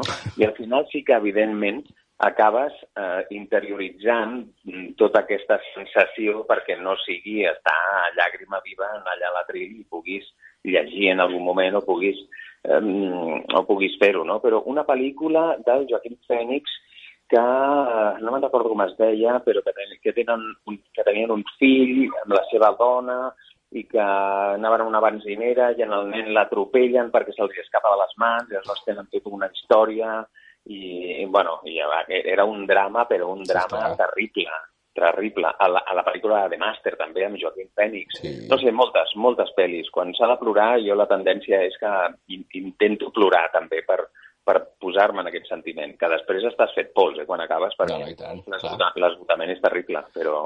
Però a veure, és que estem parlant de Joaquín Phoenix que, mm, independentment de que jo ja sé que a tu t'agrada molt, és que, és que és brutal. O sigui, és un actor que el vegis o no el vegis a Hair o, per exemple, a Joker, és que és immens com a actor. De fet, crec que a Joker tu vas fer un doblatge que va ser l'únic de tots els doblatges a nivell internacional Sí. en el qual van conservar els riures. Sí, la veritat és que sí, vam fer tots els riures i ho vam fer tot i van dir que bueno, ens hi va agradar tant i com estava i que estava tan clavat i tan igual a l'original que, que es van quedar amb, els, amb el que vaig fer jo. Ostres, Déu-n'hi-do, eh, també. Déu-n'hi-do. Sí, sí, sí, va ser, va ser, un bon, va ser una bona feina, va ser una, va ser una feina difícil, llarga i complicada, però, però bueno, va ser, va ser molt, va estar molt bé, va estar molt bé poder fer aquella pel·li. A veure, tots els que ens escolteu, que ningú es pensi que el Sergio es conforma amb la Trill. Alerta. Que també l'hem vist fent coses com aquesta. Saps què passa, Esther? Que a ella també li agrada. Entre nosaltres hi ha una química perfecta. Jo necessito algú que m'aguanti i ella necessita algú a qui aguantar. No. No, Sergi, no t'equivoquis. Escolta'm un moment, això és tan destructiu per mi com per tu. Deixa'm estar, t'he dit. Ja n'hi ha prou, Sergi, n'estic tipa. Tipa, però si t'has posat les arracades que et vaig regalar.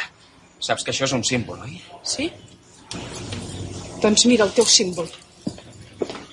Adéu, Esther. Gràcies per tot i perdona les molèsties. No, espera't un moment, Núria. Núria, mira això! Què vols que vegi, pallasso? Vols que vegi com et mates? Sí, senyora, ho veurà tothom. Tant li fa si em mato com si no. O sigui que em mato. Ja està bé, Sergi, fas llàstima. Sabeu què és això? Verí de mamba verda. Un glob d'aquest verí caput. Mentida! Què hi has posat ara? Cervesa, cafè? Set passes i caput. Dentro aspis. Per si de cas, noi. Déu-n'hi-do, eh? Estació d'enllaç. Jo també vaig sortir, vaig fer un capítol. Tenia, tenia un parell o tres de, de takes, sí, sí, sí, sí, amb frase, amb la Laia Marull, en el meu cas. Sí, sí, sí, Déu-n'hi-do, Déu-n'hi-do.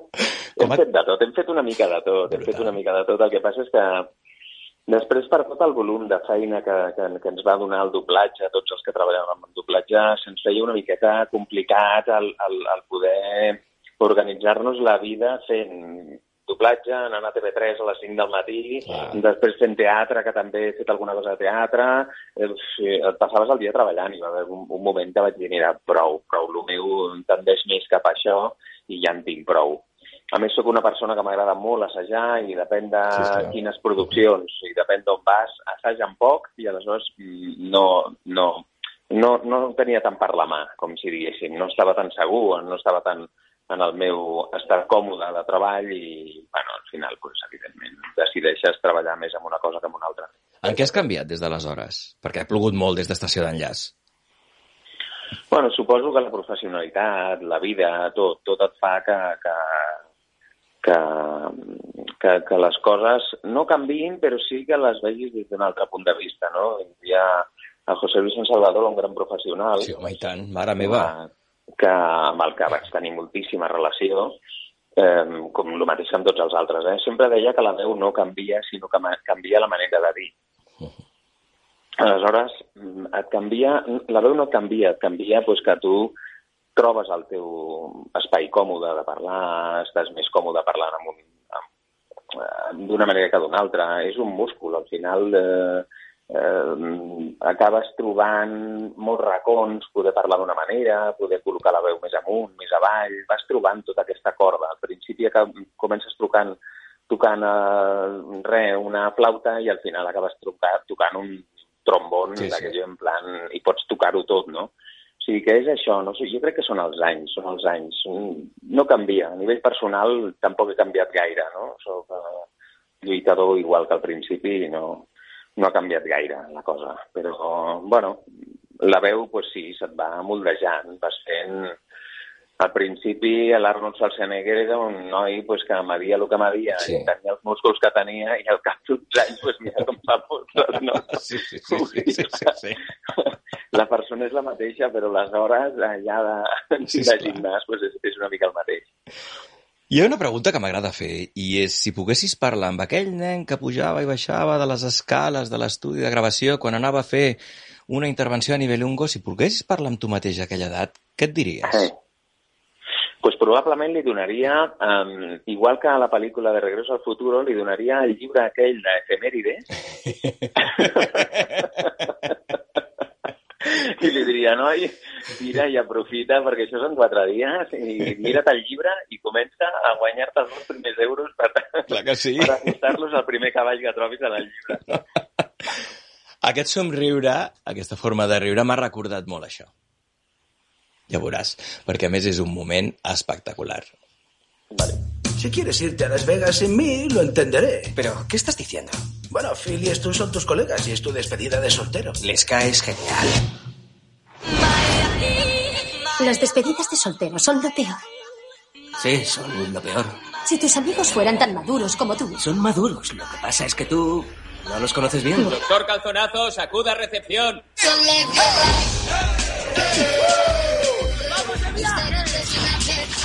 Aquí estamos, Las Vegas, por una noche que nunca olvidaremos. Sí, sí, sí, bien dicho.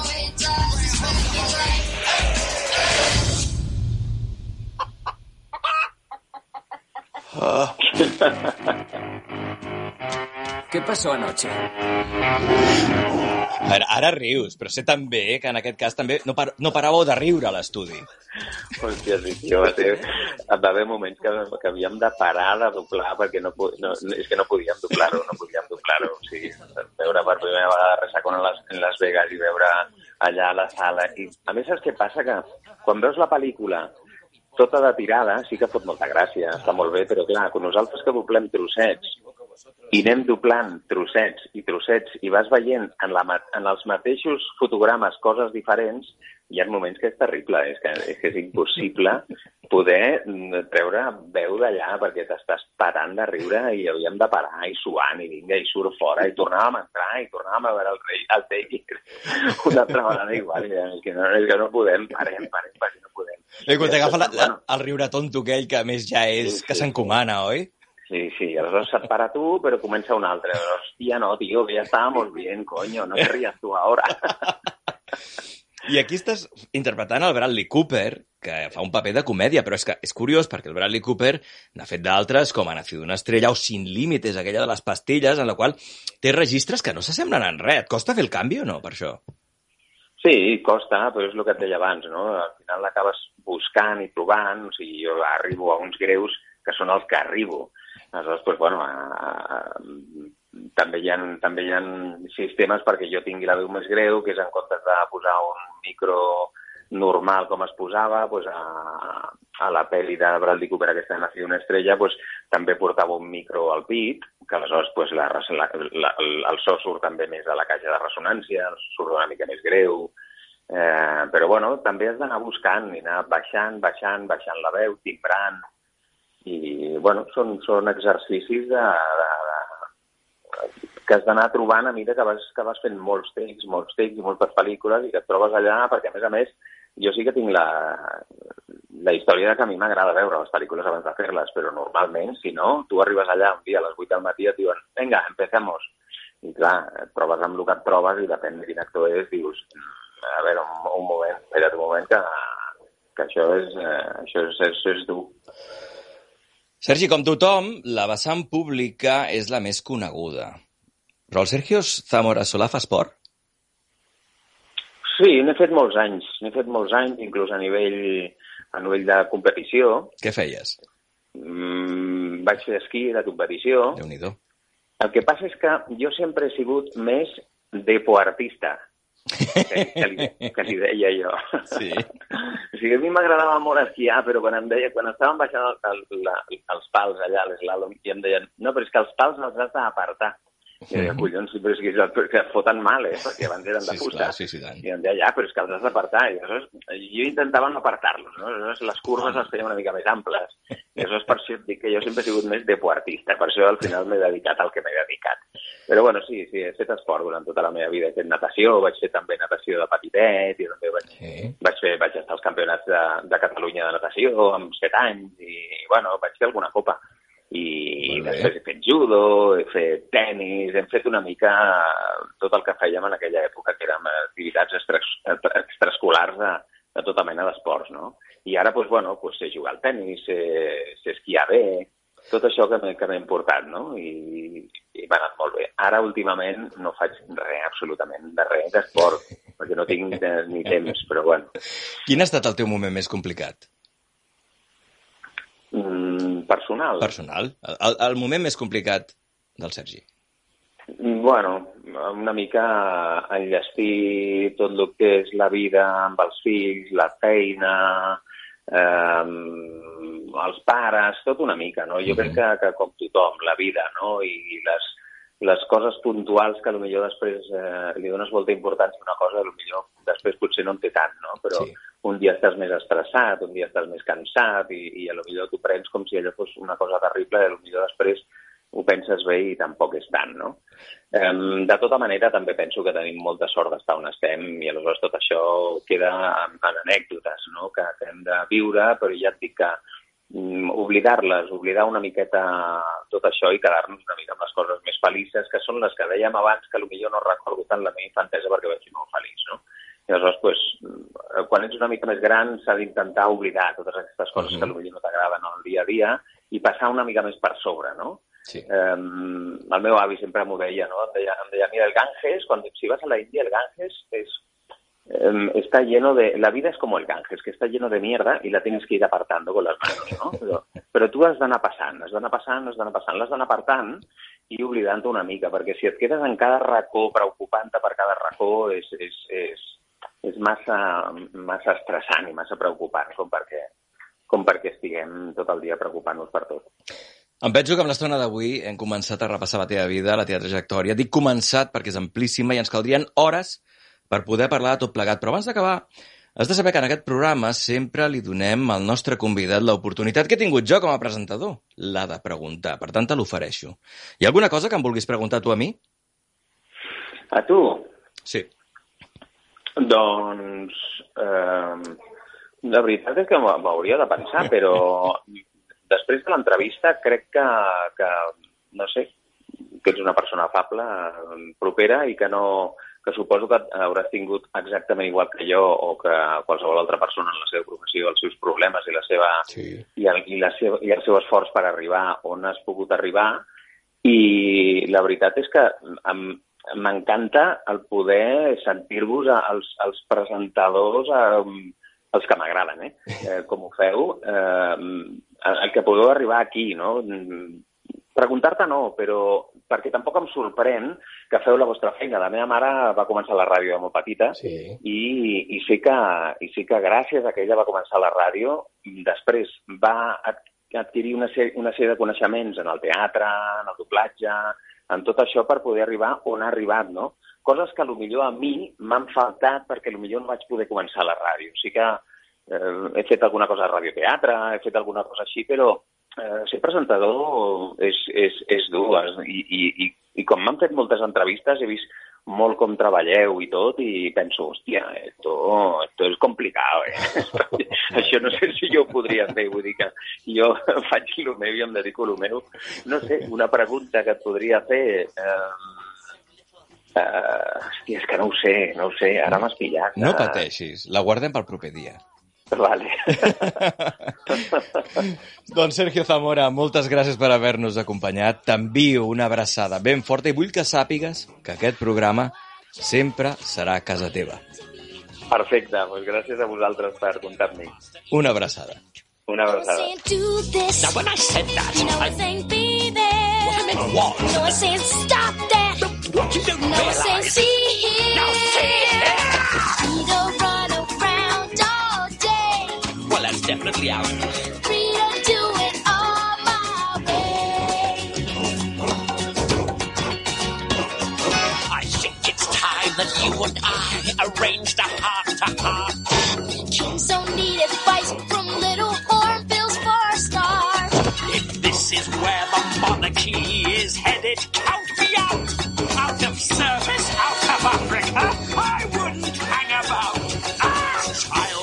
raging wildly out of wing. Oh, I just can't wait to be king. Les millors entrevistes al Ja Som Aquí.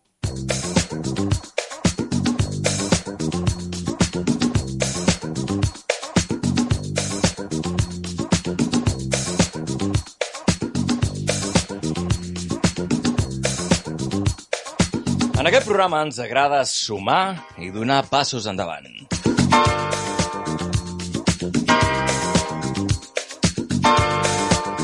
I ens agrada fer-ho amb temes que poden, amb el temps, contribuir a millorar la vida del nostre planeta. Tot això sempre ho fem amb la nostra companya, Laura Grau, i amb la seva secció de sostenibilitat.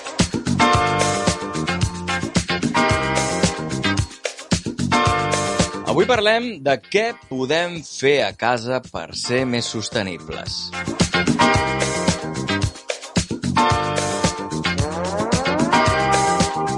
Laura, benvinguda.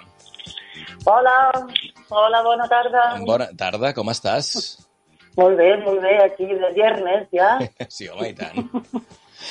Laura, I tu què tal, com et trobes? jo molt bé, jo molt bé. Sí. Perfectament. Bueno, fas bona veu, fas bona veu. Sí, això no canvia mai. Vull dir, de vegades tens una mica de mal de cap, però bé, les coses es passen ràpidament. De què hauríem de reduir el consum, Laura? Uf! És una gran pregunta. Uh, de moltes coses. Avui porto un batiburrillo de coses així que pot ser que ens anem d'un costat a l'altre, eh? Però, bueno, de moltes coses podem reduir el consum. De fet, és el més important, el tema de reduir, eh? Sí, És eh, més important que reciclar, que reusar, eh, i que les altres veces que n'hi ha ja no són tres només, n'hi ha set o vuit. Però, bueno, repensar-se abans de comprar, per exemple, repensar realment si necessitem una cosa, això és molt important per Sí. veure si no la comprem. I després, doncs, això, això, clar, això ajuda a reduir, a, a reduir tot el nostre consum, perquè eh, el, del que es tracta és reduir el consum de recursos naturals del planeta, i clar, cada, co cada cosa que comprem és, es fa amb recursos naturals del planeta, llavors, contra menys consumim, millor. Uh -huh. Perfecte, perquè estem parlant d'electricitat, d'aigua, el que dèiem, no? Clar. Clar, és que en realitat és el que deies, no? Amb, amb, amb... Què podríem fer servir per evitar tot això? Ho podríem fer servir o no fer servir. O no fer servir, o... o... Sí. Perquè jo em penso que més que tot plegat estem parlant d'una forma de vida. Sí, sí, sí. Estem parlant de- d'estar... De, viure tota l'estona... O sigui, bueno, de viure pensant una mica amb, amb els que vindran després, no, també? No, home, per suposat. Perquè, clar, reduir... O sigui, recordem el tema de, de la sostenibilitat, no?, que vol dir sí. uh, satisfer les necessitats d'ara sense comprometre les de les generacions següents. Uh -huh. Llavors, si ara ens estan dient que, que els recursos s'acaben, doncs, no sé, posem llums LED a casa, Clar. que reduirem un 80% el consum, per exemple, Uh -huh.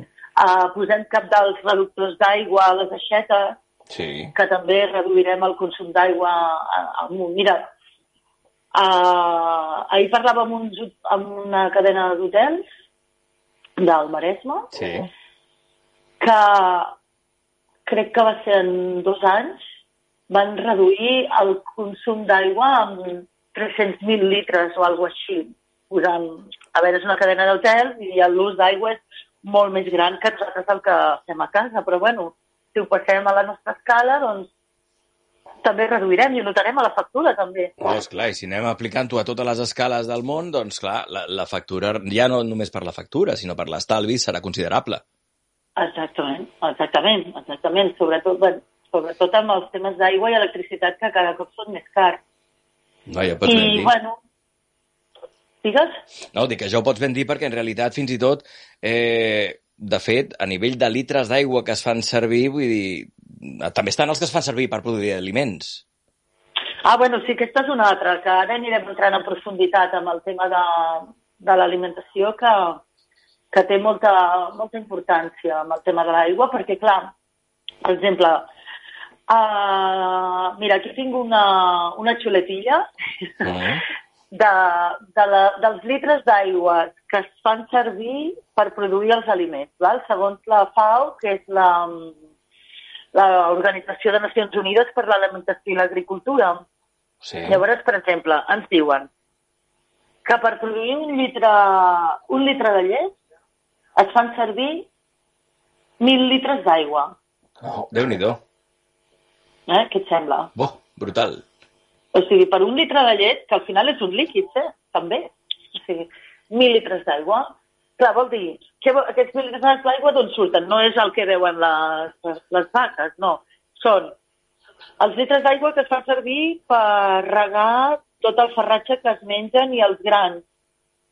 Els litres d'aigua, evidentment, que veuen elles. Tot el que es fa servir pel, pel cultiu, per la neteja de les, dels estables o de les, de les, de les granges, etc. Vull dir, se suma tota l'aigua que es fa servir per produir aquella llet. Sí, sí, sí, sí, sí. Déu-n'hi-do. Home, Per és, tant- és que clar, és el que tu estàs comentant, és que és una autèntica barbaritat. Clar, mira, per un, litre, ai, per un, per un quilo de carn són 15.000 litres d'aigua. Per un quilo de carn. I allò que Per dius, un quilo de carn. posi'm en un parell. Doncs ja està, Clar. 30.000. Déu-n'hi-do. Per això, et diuen, per això ens diuen tant ara que reduïm el consum de carn. No, no, si estic, estic veient els números al davant, 2.400 litros hamburguesa, 185 litres una bossa de patates fregides, que dius, Ah, Imagina't. 2.500 litres el formatge, 2.700 la Mig mantega. quilo, mig quilo de formatge, Clar, a veure, 2.500 litres d'aigua. clar, clar, és que estem parlant realment de números Clar, que... perquè el formatge és llet mm, fermentada, llavors és, és més. Sí, sí, déu nhi Home, realment tenim aquí uns números que espanten. I tenim pendent parlar del tema del plàstic, tenim pendent, pendent parlar Bueno. del tema de, la, de les emissions en CO2. Ho reprendrem en el proper programa, Laura, Vale, però, doncs vinga. però sens dubte el tema... Podem De... anar aprofundint en tots aquests temes perquè aquí ja... És que, és que penso que amb la reflexió aquesta que estem fent ara mateix de Mm. 2.400 litres d'aigua hamburguesa, 185 litres un ampoll, una bossa de patates fregides. Mhm. Eh, aquestes I xifres un- parla, parlant per si soles. Sí, sí, sí. Un cafè, eh, no sé si pot... Aquí, no, una tassa de te, tres- 35 litres d'aigua. Déu-n'hi-do. Déu-n'hi-do, ja pots tenir set, ja. Són molts, són molts. Laura Grau, una abraçada ben forta. doncs, encantada, Edu. Fins que ben et aviat. passeu bon cap de setmana. Merci.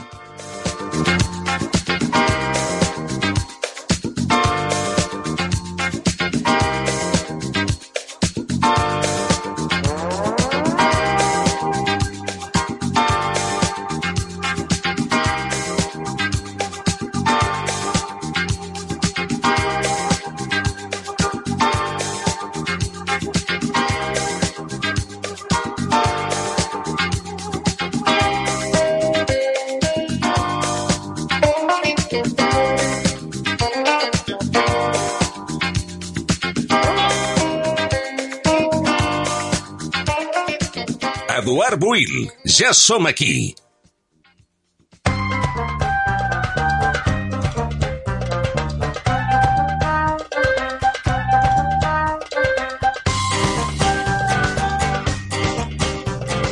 Nosaltres mengem.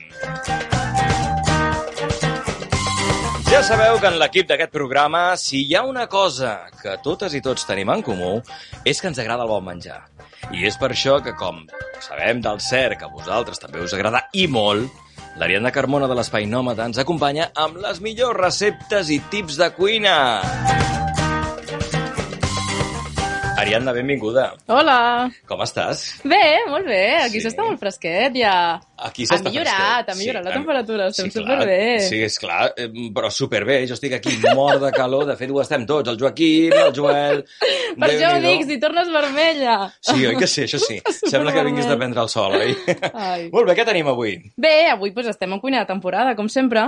Molt bé, i quina és la cuina de temporada d'aquesta Doncs pues mira, temporada? ara que ve aquesta època que vas veient els iaios passejant amb el manadet d'espàrrecs, Sí, pues m'han ah, vingut sí. ganes de parlar-ne. Doncs no? vinga, espàrrecs. I parlarem de l'espàrrec blanc, sí, una mica diferent. Perfecte. Vale? Molt bé. Sí? Molt bé, doncs vinga, endavant. Doncs vinga, avui farem una recepta que el nòmada per aquestes dates ja és un clàssic, eh? Sí. És recepta dels nostres xefs, de l'Ivan, que algun cop ja us he parlat d'ell, perquè ja sabeu que em copio una mica. I us aconsello que el seguiu a les xarxes socials, a guió baix el gàmit guió baix, on trobareu receptes i tips de cuina. Molt bé, ah, perfecte. Doncs, a veure, torna-ho a dir. El gàmit guió baix. Guió baix, el gàmit guió baix. Doncs vinga, És va. un màquina, eh? Allà ho tenim. Vinga. Bé, parlem d'espàrrecs, un superaliment, ple d'antioxidants, magnífic per fer dieta. bueno, moltes propietats, no? Diurètics, el contingut Mm. en fibra, igual que l'espàrrec verd. Vull dir, al final, l'única diferència que en trobareu dels blancs als verds és que els blancs creixen sota terra Sí. i no els Ah. deixen brotar. Ah, Llavors, per això no ja. tenen aquest verd de la clorofila. Ah, doncs em sembla Ja genial. està. Ja la veus tu aquí la, la dada, que la trobo superinteressant. La veritat és que sí. Veus? Doncs vinga. Vinga, som-hi, fem espàrrecs blancs amb maionesa cítrica del Fàbrega. I per què és cítrica del Fàbrega? Doncs perquè porta llima i el Fàbrega. Ah, molt bé. Sí, a mi m'agrada molt la norma. Aquesta no te l'esperaves, No eh? me l'esperava, la veritat. Bueno, doncs triarem un manat d'espàrrecs crus i ens fixarem que tinguis més o menys la mateixa mida, perquè a l'hora de bullir-los doncs és interessant. Ah, perfecte, sí. Vale? Què més? Tallem la part de baix i descartem la més dura, vale? o sigui, la part aquesta, igual que faríem amb els espàrrecs verds, doncs amb els blancs igual. Vale? Mhm. I els pelem com si fos una pastanaga amb el pelador, els agafem per la part de dalt i els anem pelant. Això ens ajudarà molt a treure aquesta part, que no és pell, sinó però Sí. que és molt més fibrosa a l'hora de menjar. I es fa una mica incòmode. Vale? Perfecte. I els lliguem amb fil de bridar, en forma de manat, perquè el que farem serà bullir-los drets a la olla. Posem una olla amb aigua bullint, amb un polsim de sal, fins a cobrir els espàrrecs. I el que ens interessa és fer-los drets. Vale? I per fer-los al dente, normalment, uns espàrrecs de mida mitjana són uns 9-10 minuts. Molt bé. El que ens interessa és que ens quedi una miqueta ferms. Els podem punxar amb un escuradents, Sí. han de quedar tubets, però que no allò que els agafis i... Nye, i allò vagin. que es dobleguin, no? Exacte, Sí, sí, sí, trempats. Els volem trempats. Molt bé. Vale? Perfecte. I ja està, els reservem i els deixem que es refredin. I per una altra banda farem la maionesa. Ah, aquí, a veure. Vinga. Vale, aquí maionesa, eh? Tema interessant. A veure, com Aquest la fem? cop la farem amb rovells d'ou. Molt bé. Vale? El fet de fer-la amb rovells d'ous ens assegurarem que no se'ns talli. Ah, o sigui que si fas una maionesa només amb rovells d'ou, no es talla? Bueno, és més difícil. Val, Clar. és més complexa. Val, val, ja val, no... val. Sí. Has de tenir una miqueta de bona sort, aquestes coses de els números parells, ja saps. A mi m'agrada molt, eh, fer maionesa, tot Sí? s'ha de dir. Sí, sí, sí, sí, sí. No se'm talla... De fet, no. crec que no se m'ha tallat encara. Eh, Ei. ostres, doncs a mi se'm talla sovint, eh? I Ah, això que sí? soc cuinera, eh? Vols dir? Home, ja tinc... A més, sempre la faig amb mides. Ja, ja no invento, eh? Abans no- inventava ja molt no amb la és maionesa, creatiu. jo era molt d'anar tirant, i ara no, no invento. Doncs molt bé, dos rovells d'ou. Dos rovells d'ous, mitja culleradeta de sal, una culleradeta de suc de llima, 10 fulles d'alfàbrega i 160 mil·lilitres d'oli de girassol. Ah, molt bé. I Sí? aleshores què fem? Bueno, doncs això, en un got alt de la Turmix, vale? posem els rovells, la llima la sal i l'alfàbrega. Triturem i quan ho tenim ja allò integrat, anem tirant sí. l'oli a poc a poc. Això és important, vale? L'oli, allò, bueno, ja ho saps. Tu si ets un expert en fer maioneses, ja ho saps. Anem tirant l'oli a poc a poc. I així segur que no se'ns tallarà. Molt bé. I per una altra banda, en una paella amb el foc fort, marquem els espàrrecs i el presentem amb un plat tallats en tres i els decorem amb puntets de la nostra maionesa. Ah, perfecte. A l'Instagram ja veureu la foto del plat que queda de categoria. Superxula. Sí. Molt bé. Bueno, Doncs, doncs, perfecte, ja està, doncs ja ho teníem. tindríem. Doncs, Sí. sí. Ariadna Carmona, moltíssimes gràcies, com sempre. Gràcies, Edu. Merci per Adeu.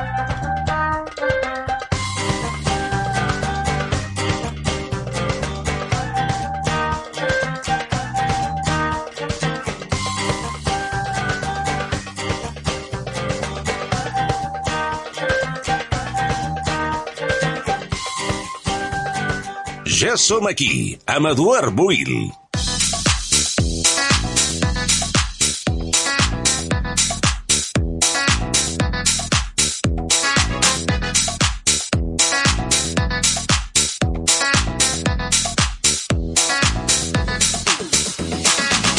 Arriba la millor música electrònica de la història.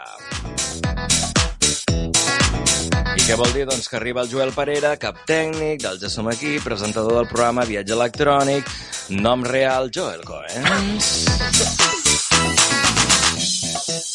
M'ha agradat això, oi? M'ha agra- m'ha agradat molt, sí. Has Al vist? final la gent es pensarà que em dic Joel Coens de veritat, eh? No et dius Coens? Uh, sí, El per, que guionista? Per, per tu sí, Quitín.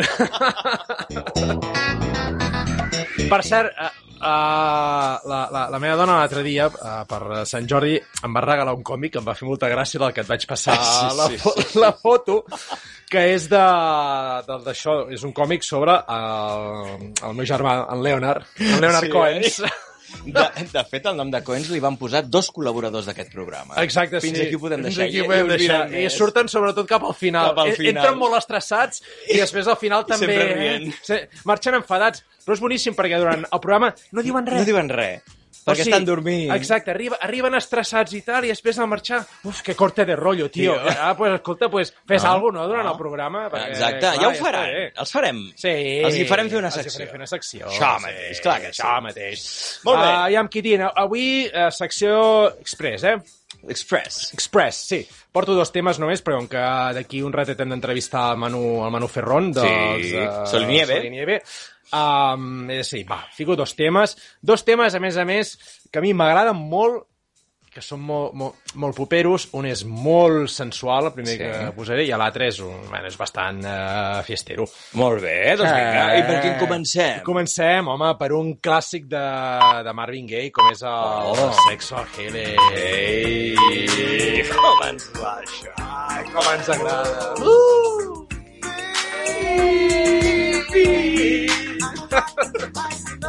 No podem deixar No de podem deixar cantar.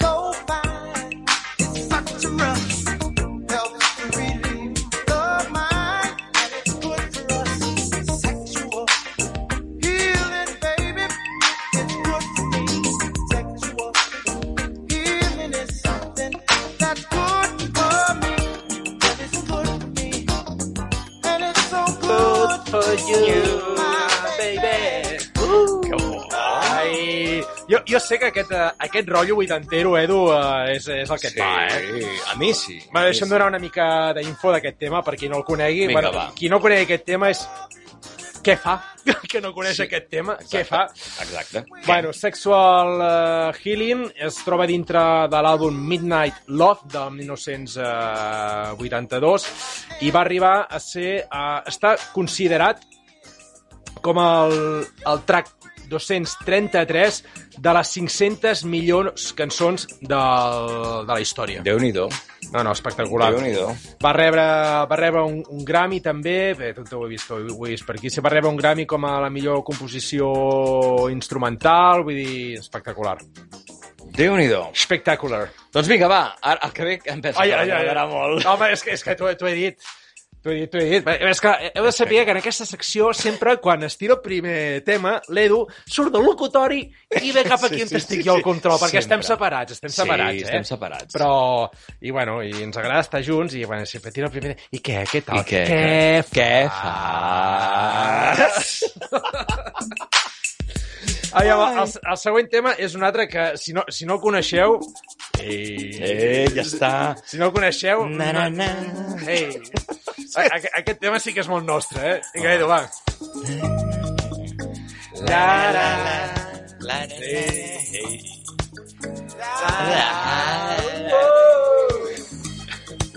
Amb el pelucón. Amb el pelucón. Amb la camisa així descordada, saps? Ai, sí, sí, amb, amb tot el pit allò, Exacte. amb, amb els pèls arrinxolats.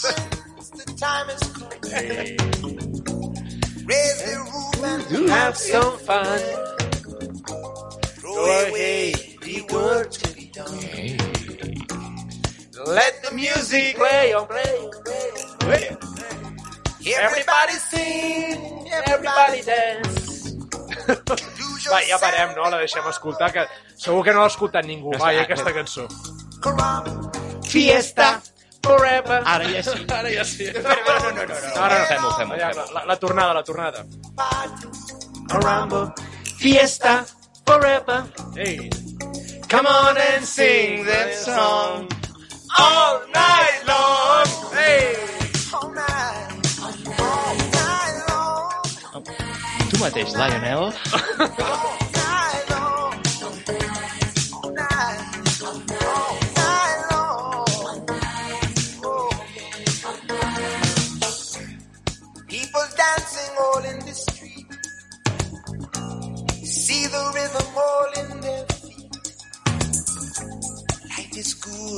Wild and sweet.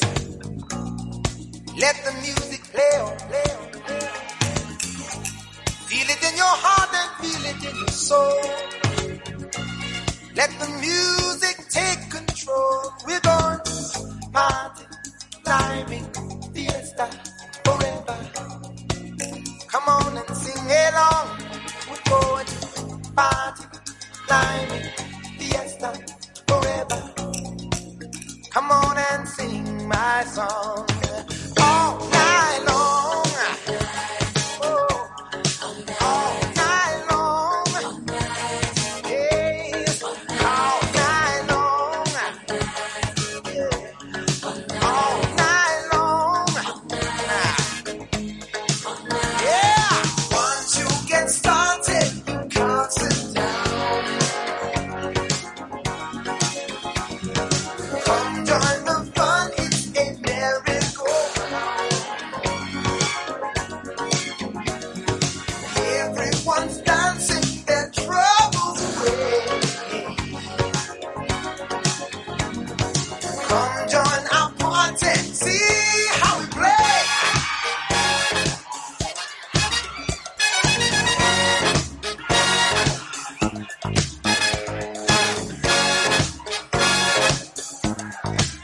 Edu, tres cosetes de, Vinga, va. de, del tema en qüestió que es trobava dins del superàlbum que jo tinc en vinil, vaig a dir, Can't Slow Down de l'any 1983. Aquest single va arribar a ser número 1 a tres llistes uh, Billboard, a la de pop, a la de R&B i a la de... Oh, aquesta, que fa molta gràcia. Sí. Adult Contemporary. Ei, no nhi eh? Adult Contemporary, quina llista és aquesta? Bueno, no sé, és igual, deixem-ho estar... eh, Això. Va. Doncs vinga, va, escolta, parlant de música, Sí. avui estem de sort, Coens, I estem de tant. sort. De fet, ja els tenim aquí. Directament, des de Granada, ens acompanyen el grupo de expertos Sol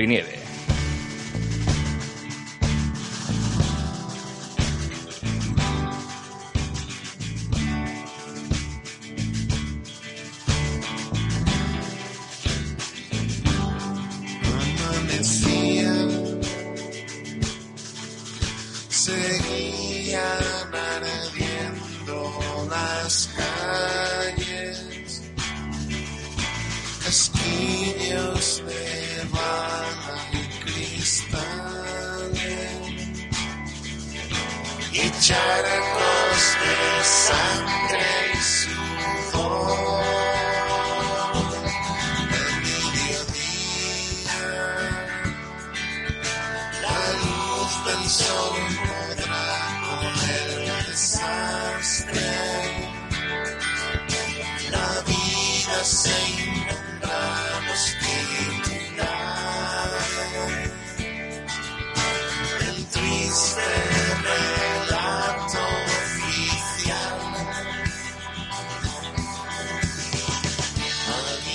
Una grieta. Aquest és el nom d'aquest tema que està cridat a lluitar, com ells diuen, contra les maniobres que volen transformar la resistència en submissió.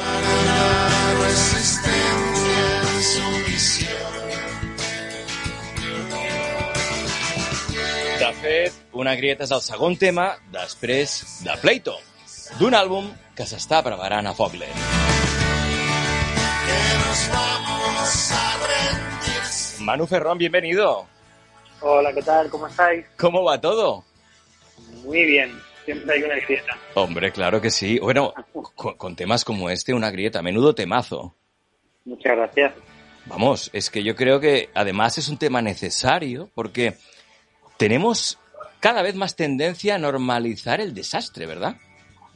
Es imposible normalizar el desastre. Tenemos que tener siempre un punto, un pensamiento crítico, un punto de resistencia y una voz que, que por lo menos señale lo que no está mal, lo que está torcido. Claro. Eh, y luego que cada uno haga lo que, lo que crea oportuno en conciencia, pero eh, creo que nuestra obligación es señalar que las cosas están torcidas. Sin duda, con Grupo de Expertos Sol y Nieve ya tenéis una trayectoria, mm, pero llama mucho la atención lo que decíamos, ¿no? El, el texto de todas y cada una de, los- de las canciones. ¿Cómo, ¿Cómo surge la idea de crear un tema como una grieta? Bueno, es mucho más espontáneo de lo que puede, puede parecer al final. ¿eh? En, realidad siempre eh, mm, el hacer música surge de, una necesidad de, divertirte, de recrearte en lo que te da placer, pero luego hay un pensamiento crítico que determina que nuestro discurso vaya por ahí, por señalar por lo menos lo que está torcido. No damos grandes soluciones, pero sí, sí, apuntamos a lo que a lo que no funciona. ¿eh? Es simplemente una llamada de atención. Junto con J, líder de los planetas, formáis Grupo de Expertos Sol y Nieve. Manu, tengo entendido que las primeras maquetas del grupo se editaron bajo el nombre de Montero Castillo y Aguirre Suárez. ¿De dónde viene eso? Sí, así es. Eh, bueno, esto es una broma privada entre J y yo, que eh, Montero Casilla y Aguirre Suárez fueron unos defensas eh, míticos del Granada Club de Fútbol de principios de los años 70. Eran muy famosos por, por ser realmente duros, eh, más que expeditivos, y, y por generar cierto miedo en los atacantes rivales, ¿no? Entonces era como una defensa muy sólida. Y simplemente hicimos una metáfora, un- bueno, a partir de un, de un chiste fácil, si quieres, una metáfora que, que queríamos representar que era como una defensa férrea Sí. lo nuestro, sin más. Pero bueno, tampoco hay más trascendencia en esto. bueno, pues está bien. Hombre, ¿qué os llevó en su día a crear Grupo de Expertos?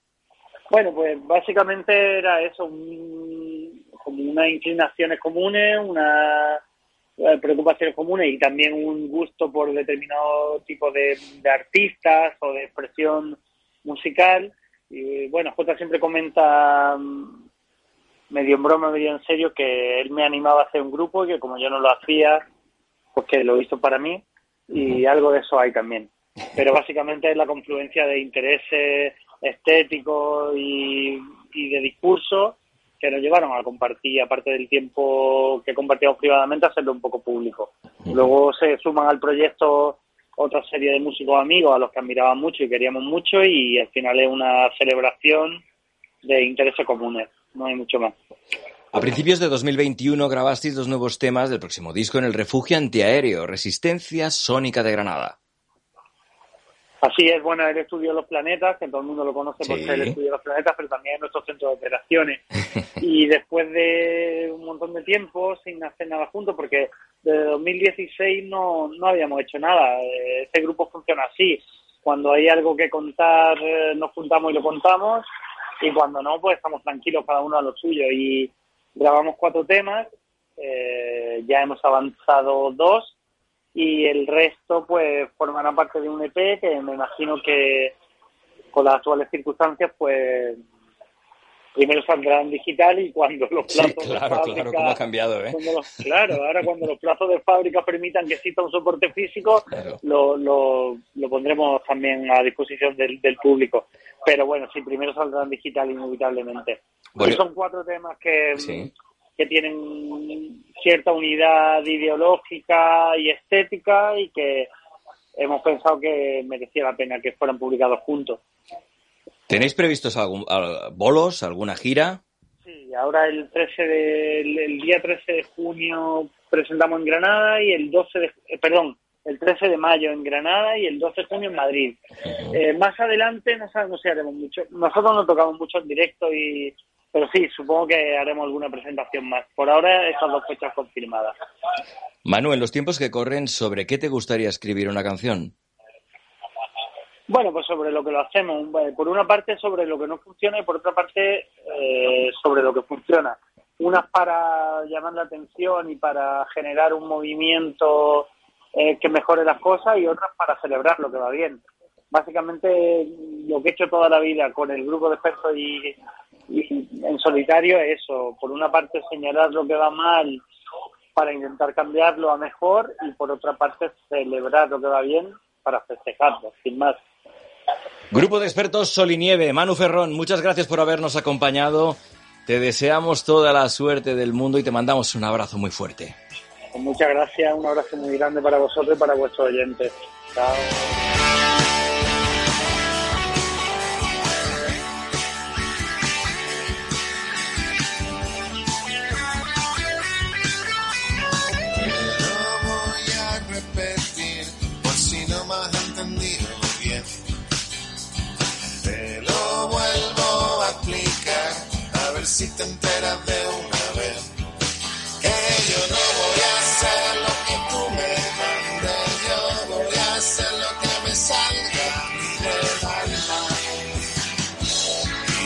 Y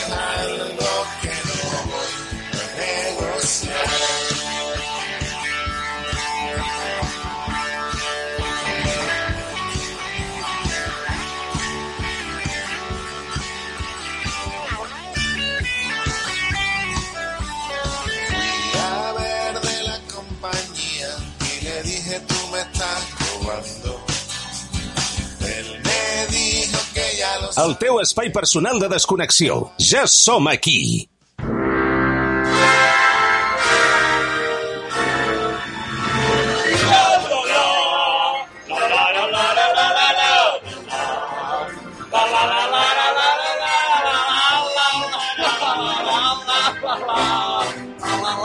I enfilem la recta final del Ja som aquí, davant de la pantalla. Ei.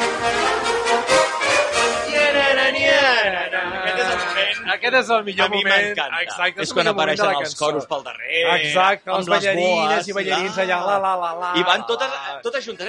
Sí, sí, sí, com una la, la, la, allà. la, Ah, quin glamour. De fet, els oients haurien de, de veure que nosaltres, quan fem aquesta secció, sí. sortim un moment de l'estudi, anem aquí al camarín Ens que tenim aquí al costat. el de la tele. Exacte. Sí. Ens vestim de gala Totalment. per fer aquesta Totalment, secció. és que som tan de l'època dorada de Hollywood en Ai, aquest sí, programa. de veritat que sí, eh? Per cert, eh, cinema, sèries, tot vintage i programa de tele. Has vist que ràpid? Eh. Però no t'escapes de que soni aquesta cançó. Ai, No, no, no, no. Que ens agrada fer allò, eh? Ai, sí. Ara, ara. Ai, no. Ai, no. Com modulem. Quina cosa. Vinga, va, que ara ve... You say I love you. Thank you. Ei! Remember. Doncs ja ho sabeu, cinema, sèries vintage, tot aquí. Però és que, a més, penseu que el fet de que fem una secció totalment vintage, que és única al planeta, doncs té... El planeta, eh? El planeta. Sí, pam! Sí, sí. No me la jugo, no? Sort que no has dit a l'univers, ja, No, ja, perquè si no... Eh? Sí, perquè crec que en fan Llaurano el- en fan un, eh? Els uranianos potser fan alguna cosa. Però el que segur que som els únics en tenir és el premi a la tele vintage, a les sèries vintage, els We're Here Awards. De fet, aquesta música la van fer només pels We Are Here Awards. Els Emmys no hi tenen res a veure. Vam trucar en John Williams a dir, Sí. hey John, we need uh, music for our awards. We are here awards. Eh? I fes-nos preu, que ja Exacte, sabem i molt bé lo de les. Star Wars, eh? Però... A veure. Fes-nos preu, eh? Bueno, res, We Are Vinga, Here, va, we are doncs estan. Awards, molt, molt fàcil. Eh? Heu de votar la peli o sèrie Eh, programa també, que carai, va. Vinga, I programa, va, tu. i programa vintage preferit entre els guanyers. Bueno, com ho heu de fer? Ens ho heu d'enviar un correu electrònic, ja som aquí ràdio, arroba gmail.com, ja som aquí ràdio, arroba gmail.com, o bé un missatget, bé sigui per privat o bé sigui públic, en l'Instagram del programa Ja som aquí ràdio. Pues la sèrie, peli o programa que, que rebi més vots serà el guanyador. Entre tots ells sortejarem, no, pues, el programa o peli o... Bueno, programa no, peli o eh, sèrie vintage que hagi sortit guanyadora. Dit això, comencem amb una estrena Ui, ui, de l'any ui, ui, 90. ui, ui, ui, com per anem, favor. Eh? Com No, no, no, anem? com comencem, Com eh? comencem? Amb un actor, allò, de text. Un actor brutal. Comencem amb una estrena de 1990. Señalado por la muerte. No, perquè no, el tràiler no té... Le llaman el nuevo Eastwood. ¿Quién El Bronson de hoy. Cree que está retirado. Yo creo que está en plena forma. El próximo Bond. No es el momento de dejar. Estoy harto. ¡Johnny! ¡El próximo Bond! hija! Trátela como si fuera el presidente de los Estados Unidos. Tu familia está marcada. El hombre al que llaman pura dinamita. Ha dicho que va a matarnos. No creo que tenga ocasión de hacerlo. Va a explotar.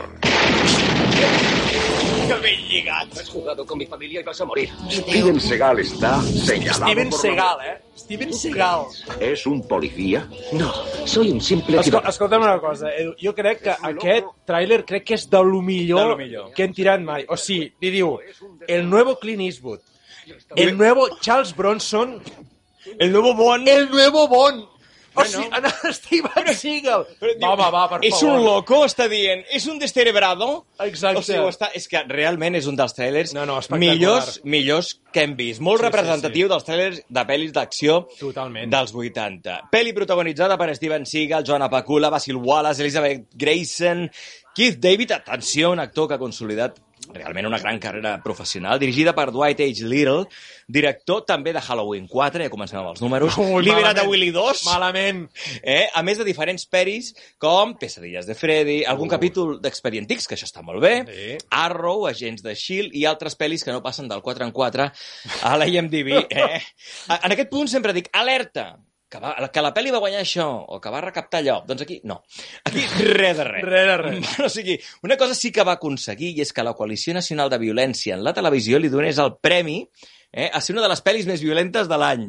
I en quant a la recaptació, doncs, a veure, 43 milions de dòlars, i, i tothom va dir, bueno, és un èxit menor. Aviam, amb- el Seagal, una comèdia romàntica, eh, evidentment, no, no serà, No, saps? doncs el cert és que no. No, no, no. Ara, quina manera de retorçar els... Com es deia l'art marcial aquest que feia? Aikido. Sí, Aikido. Aikido, Vale. era l'Aikido. Vale, vale. Eh, de fet, va ser el mateix Seagal qui va recomanar el director per la feina també. I com a curiositat direm que al dolent de la peli, l'Screwface, li van posar el nom per la cançó de Bob, del Bob Marley, Screwface, eh? De no sabem com fotre-li, doncs pam.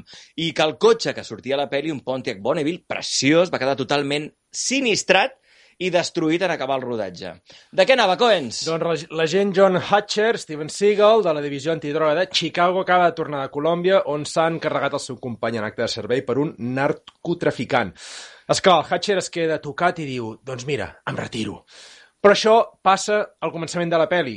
No es quedarà parat gaire estona. No, clar, si no ja està la peli. Exacte, a prop de Sí. casa seva hi ha un tiroteig amb un traficant de droga jamaicà anomenat Screwface, és en Basil Wallace, que, i, qui intenta matar a la seva germana i la seva filla. És clar, que no saben qui és Steven Seagal. Clar, no? clar, el John i el seu amic Max intentaran atrapar el dolent en el seu país natal. Pistoles, bufetades, braços retorçats, fins a veure l'os, tot plegat, superromàntic. Molt romàntic, una cosa. Ideal. Ai, què més tenim? Doncs atenció, perquè toca un clàssic de la tele dels 80 i principis dels 90. Ei, Ei, sí, quan sentim aquest... Ja està, eh? Ja està. Ja- Ja, ja ho tindríem, això. Ei, sí. Ei, ei, doncs... Amb aquest... La ley de Los Ángeles. Sèrie judicial procedimental nord-americana emesa per la NBC que va durar bastant. Es va estrenar el 15 de setembre del 86 i va acabar el 19 de maig del 94. Déu-n'hi-do. Vuit temporades amb 172 episodis que cada un d'ells tenia una durada de 60 minuts. Ojo, que en realitat era una pel·li, eh, perdó, una sèrie que es deia que estava molt bé i que va suposar el tret de sortida doncs, altres drames judicials. De fet, la va escriure l'Steven Bochco, qui recordem... Ah, pensava que anaves a dir l'Steven Seagal. No, no, aquell no. Aquell no. Aquell retorçava Aquell braços. retorçava braços, Aquest vale, escrivia vale. sèries com Canción Triste de Hill Street, Un médico precoz, Murder One, de la qual en parlarem, o la més que coneguda, de la qual també en parlarem, Policías de Nova York. La sèrie va guanyar Globus d'Or, Emmys... Els protagonistes de la sèrie eren eh, advocats d'un prestigiós bufet, Mackenzie, Brackman, Cheney i Cusack. Eh, tu saps perfectament. Has vist? La, La sèrie, memòria. com, la sèrie combinava sí. en els seus arguments la feina professional del bufet amb les vies de relacions personals dels advocats, etc etc etc. Escolta'm una cosa, Què? es- estava pensant, és que el programa que... que És brutal. És que és brutal i crec que es mereix una miqueta més Doncs de temps sí. que, que, que el que tenim. Sí, perquè no? em penso que l'Abril ja deu estar... Si no està aquí, deu estar a punt Home, d'arribar. l'Abril, Abril, estàs per aquí? Abril! Edu, marxem. Mira-la. Està aquí. Doncs nosaltres marxem. És molt aplicada, eh, l'Abril, també. Sí, s'ho fa venir molt bé. Eh? Sempre està aquí per dir això. Sempre està aquí per dir això, exacte. Ai, I quan sona aquesta música, doncs, sinònim, se'ns acaba el programa. Quitín, me parece súper fuerte Ya esa actitud que estás tomando ahora mismo, ¿eh? Ya empezamos. Ya empezamos. Hoy el viento sopla más de lo normal.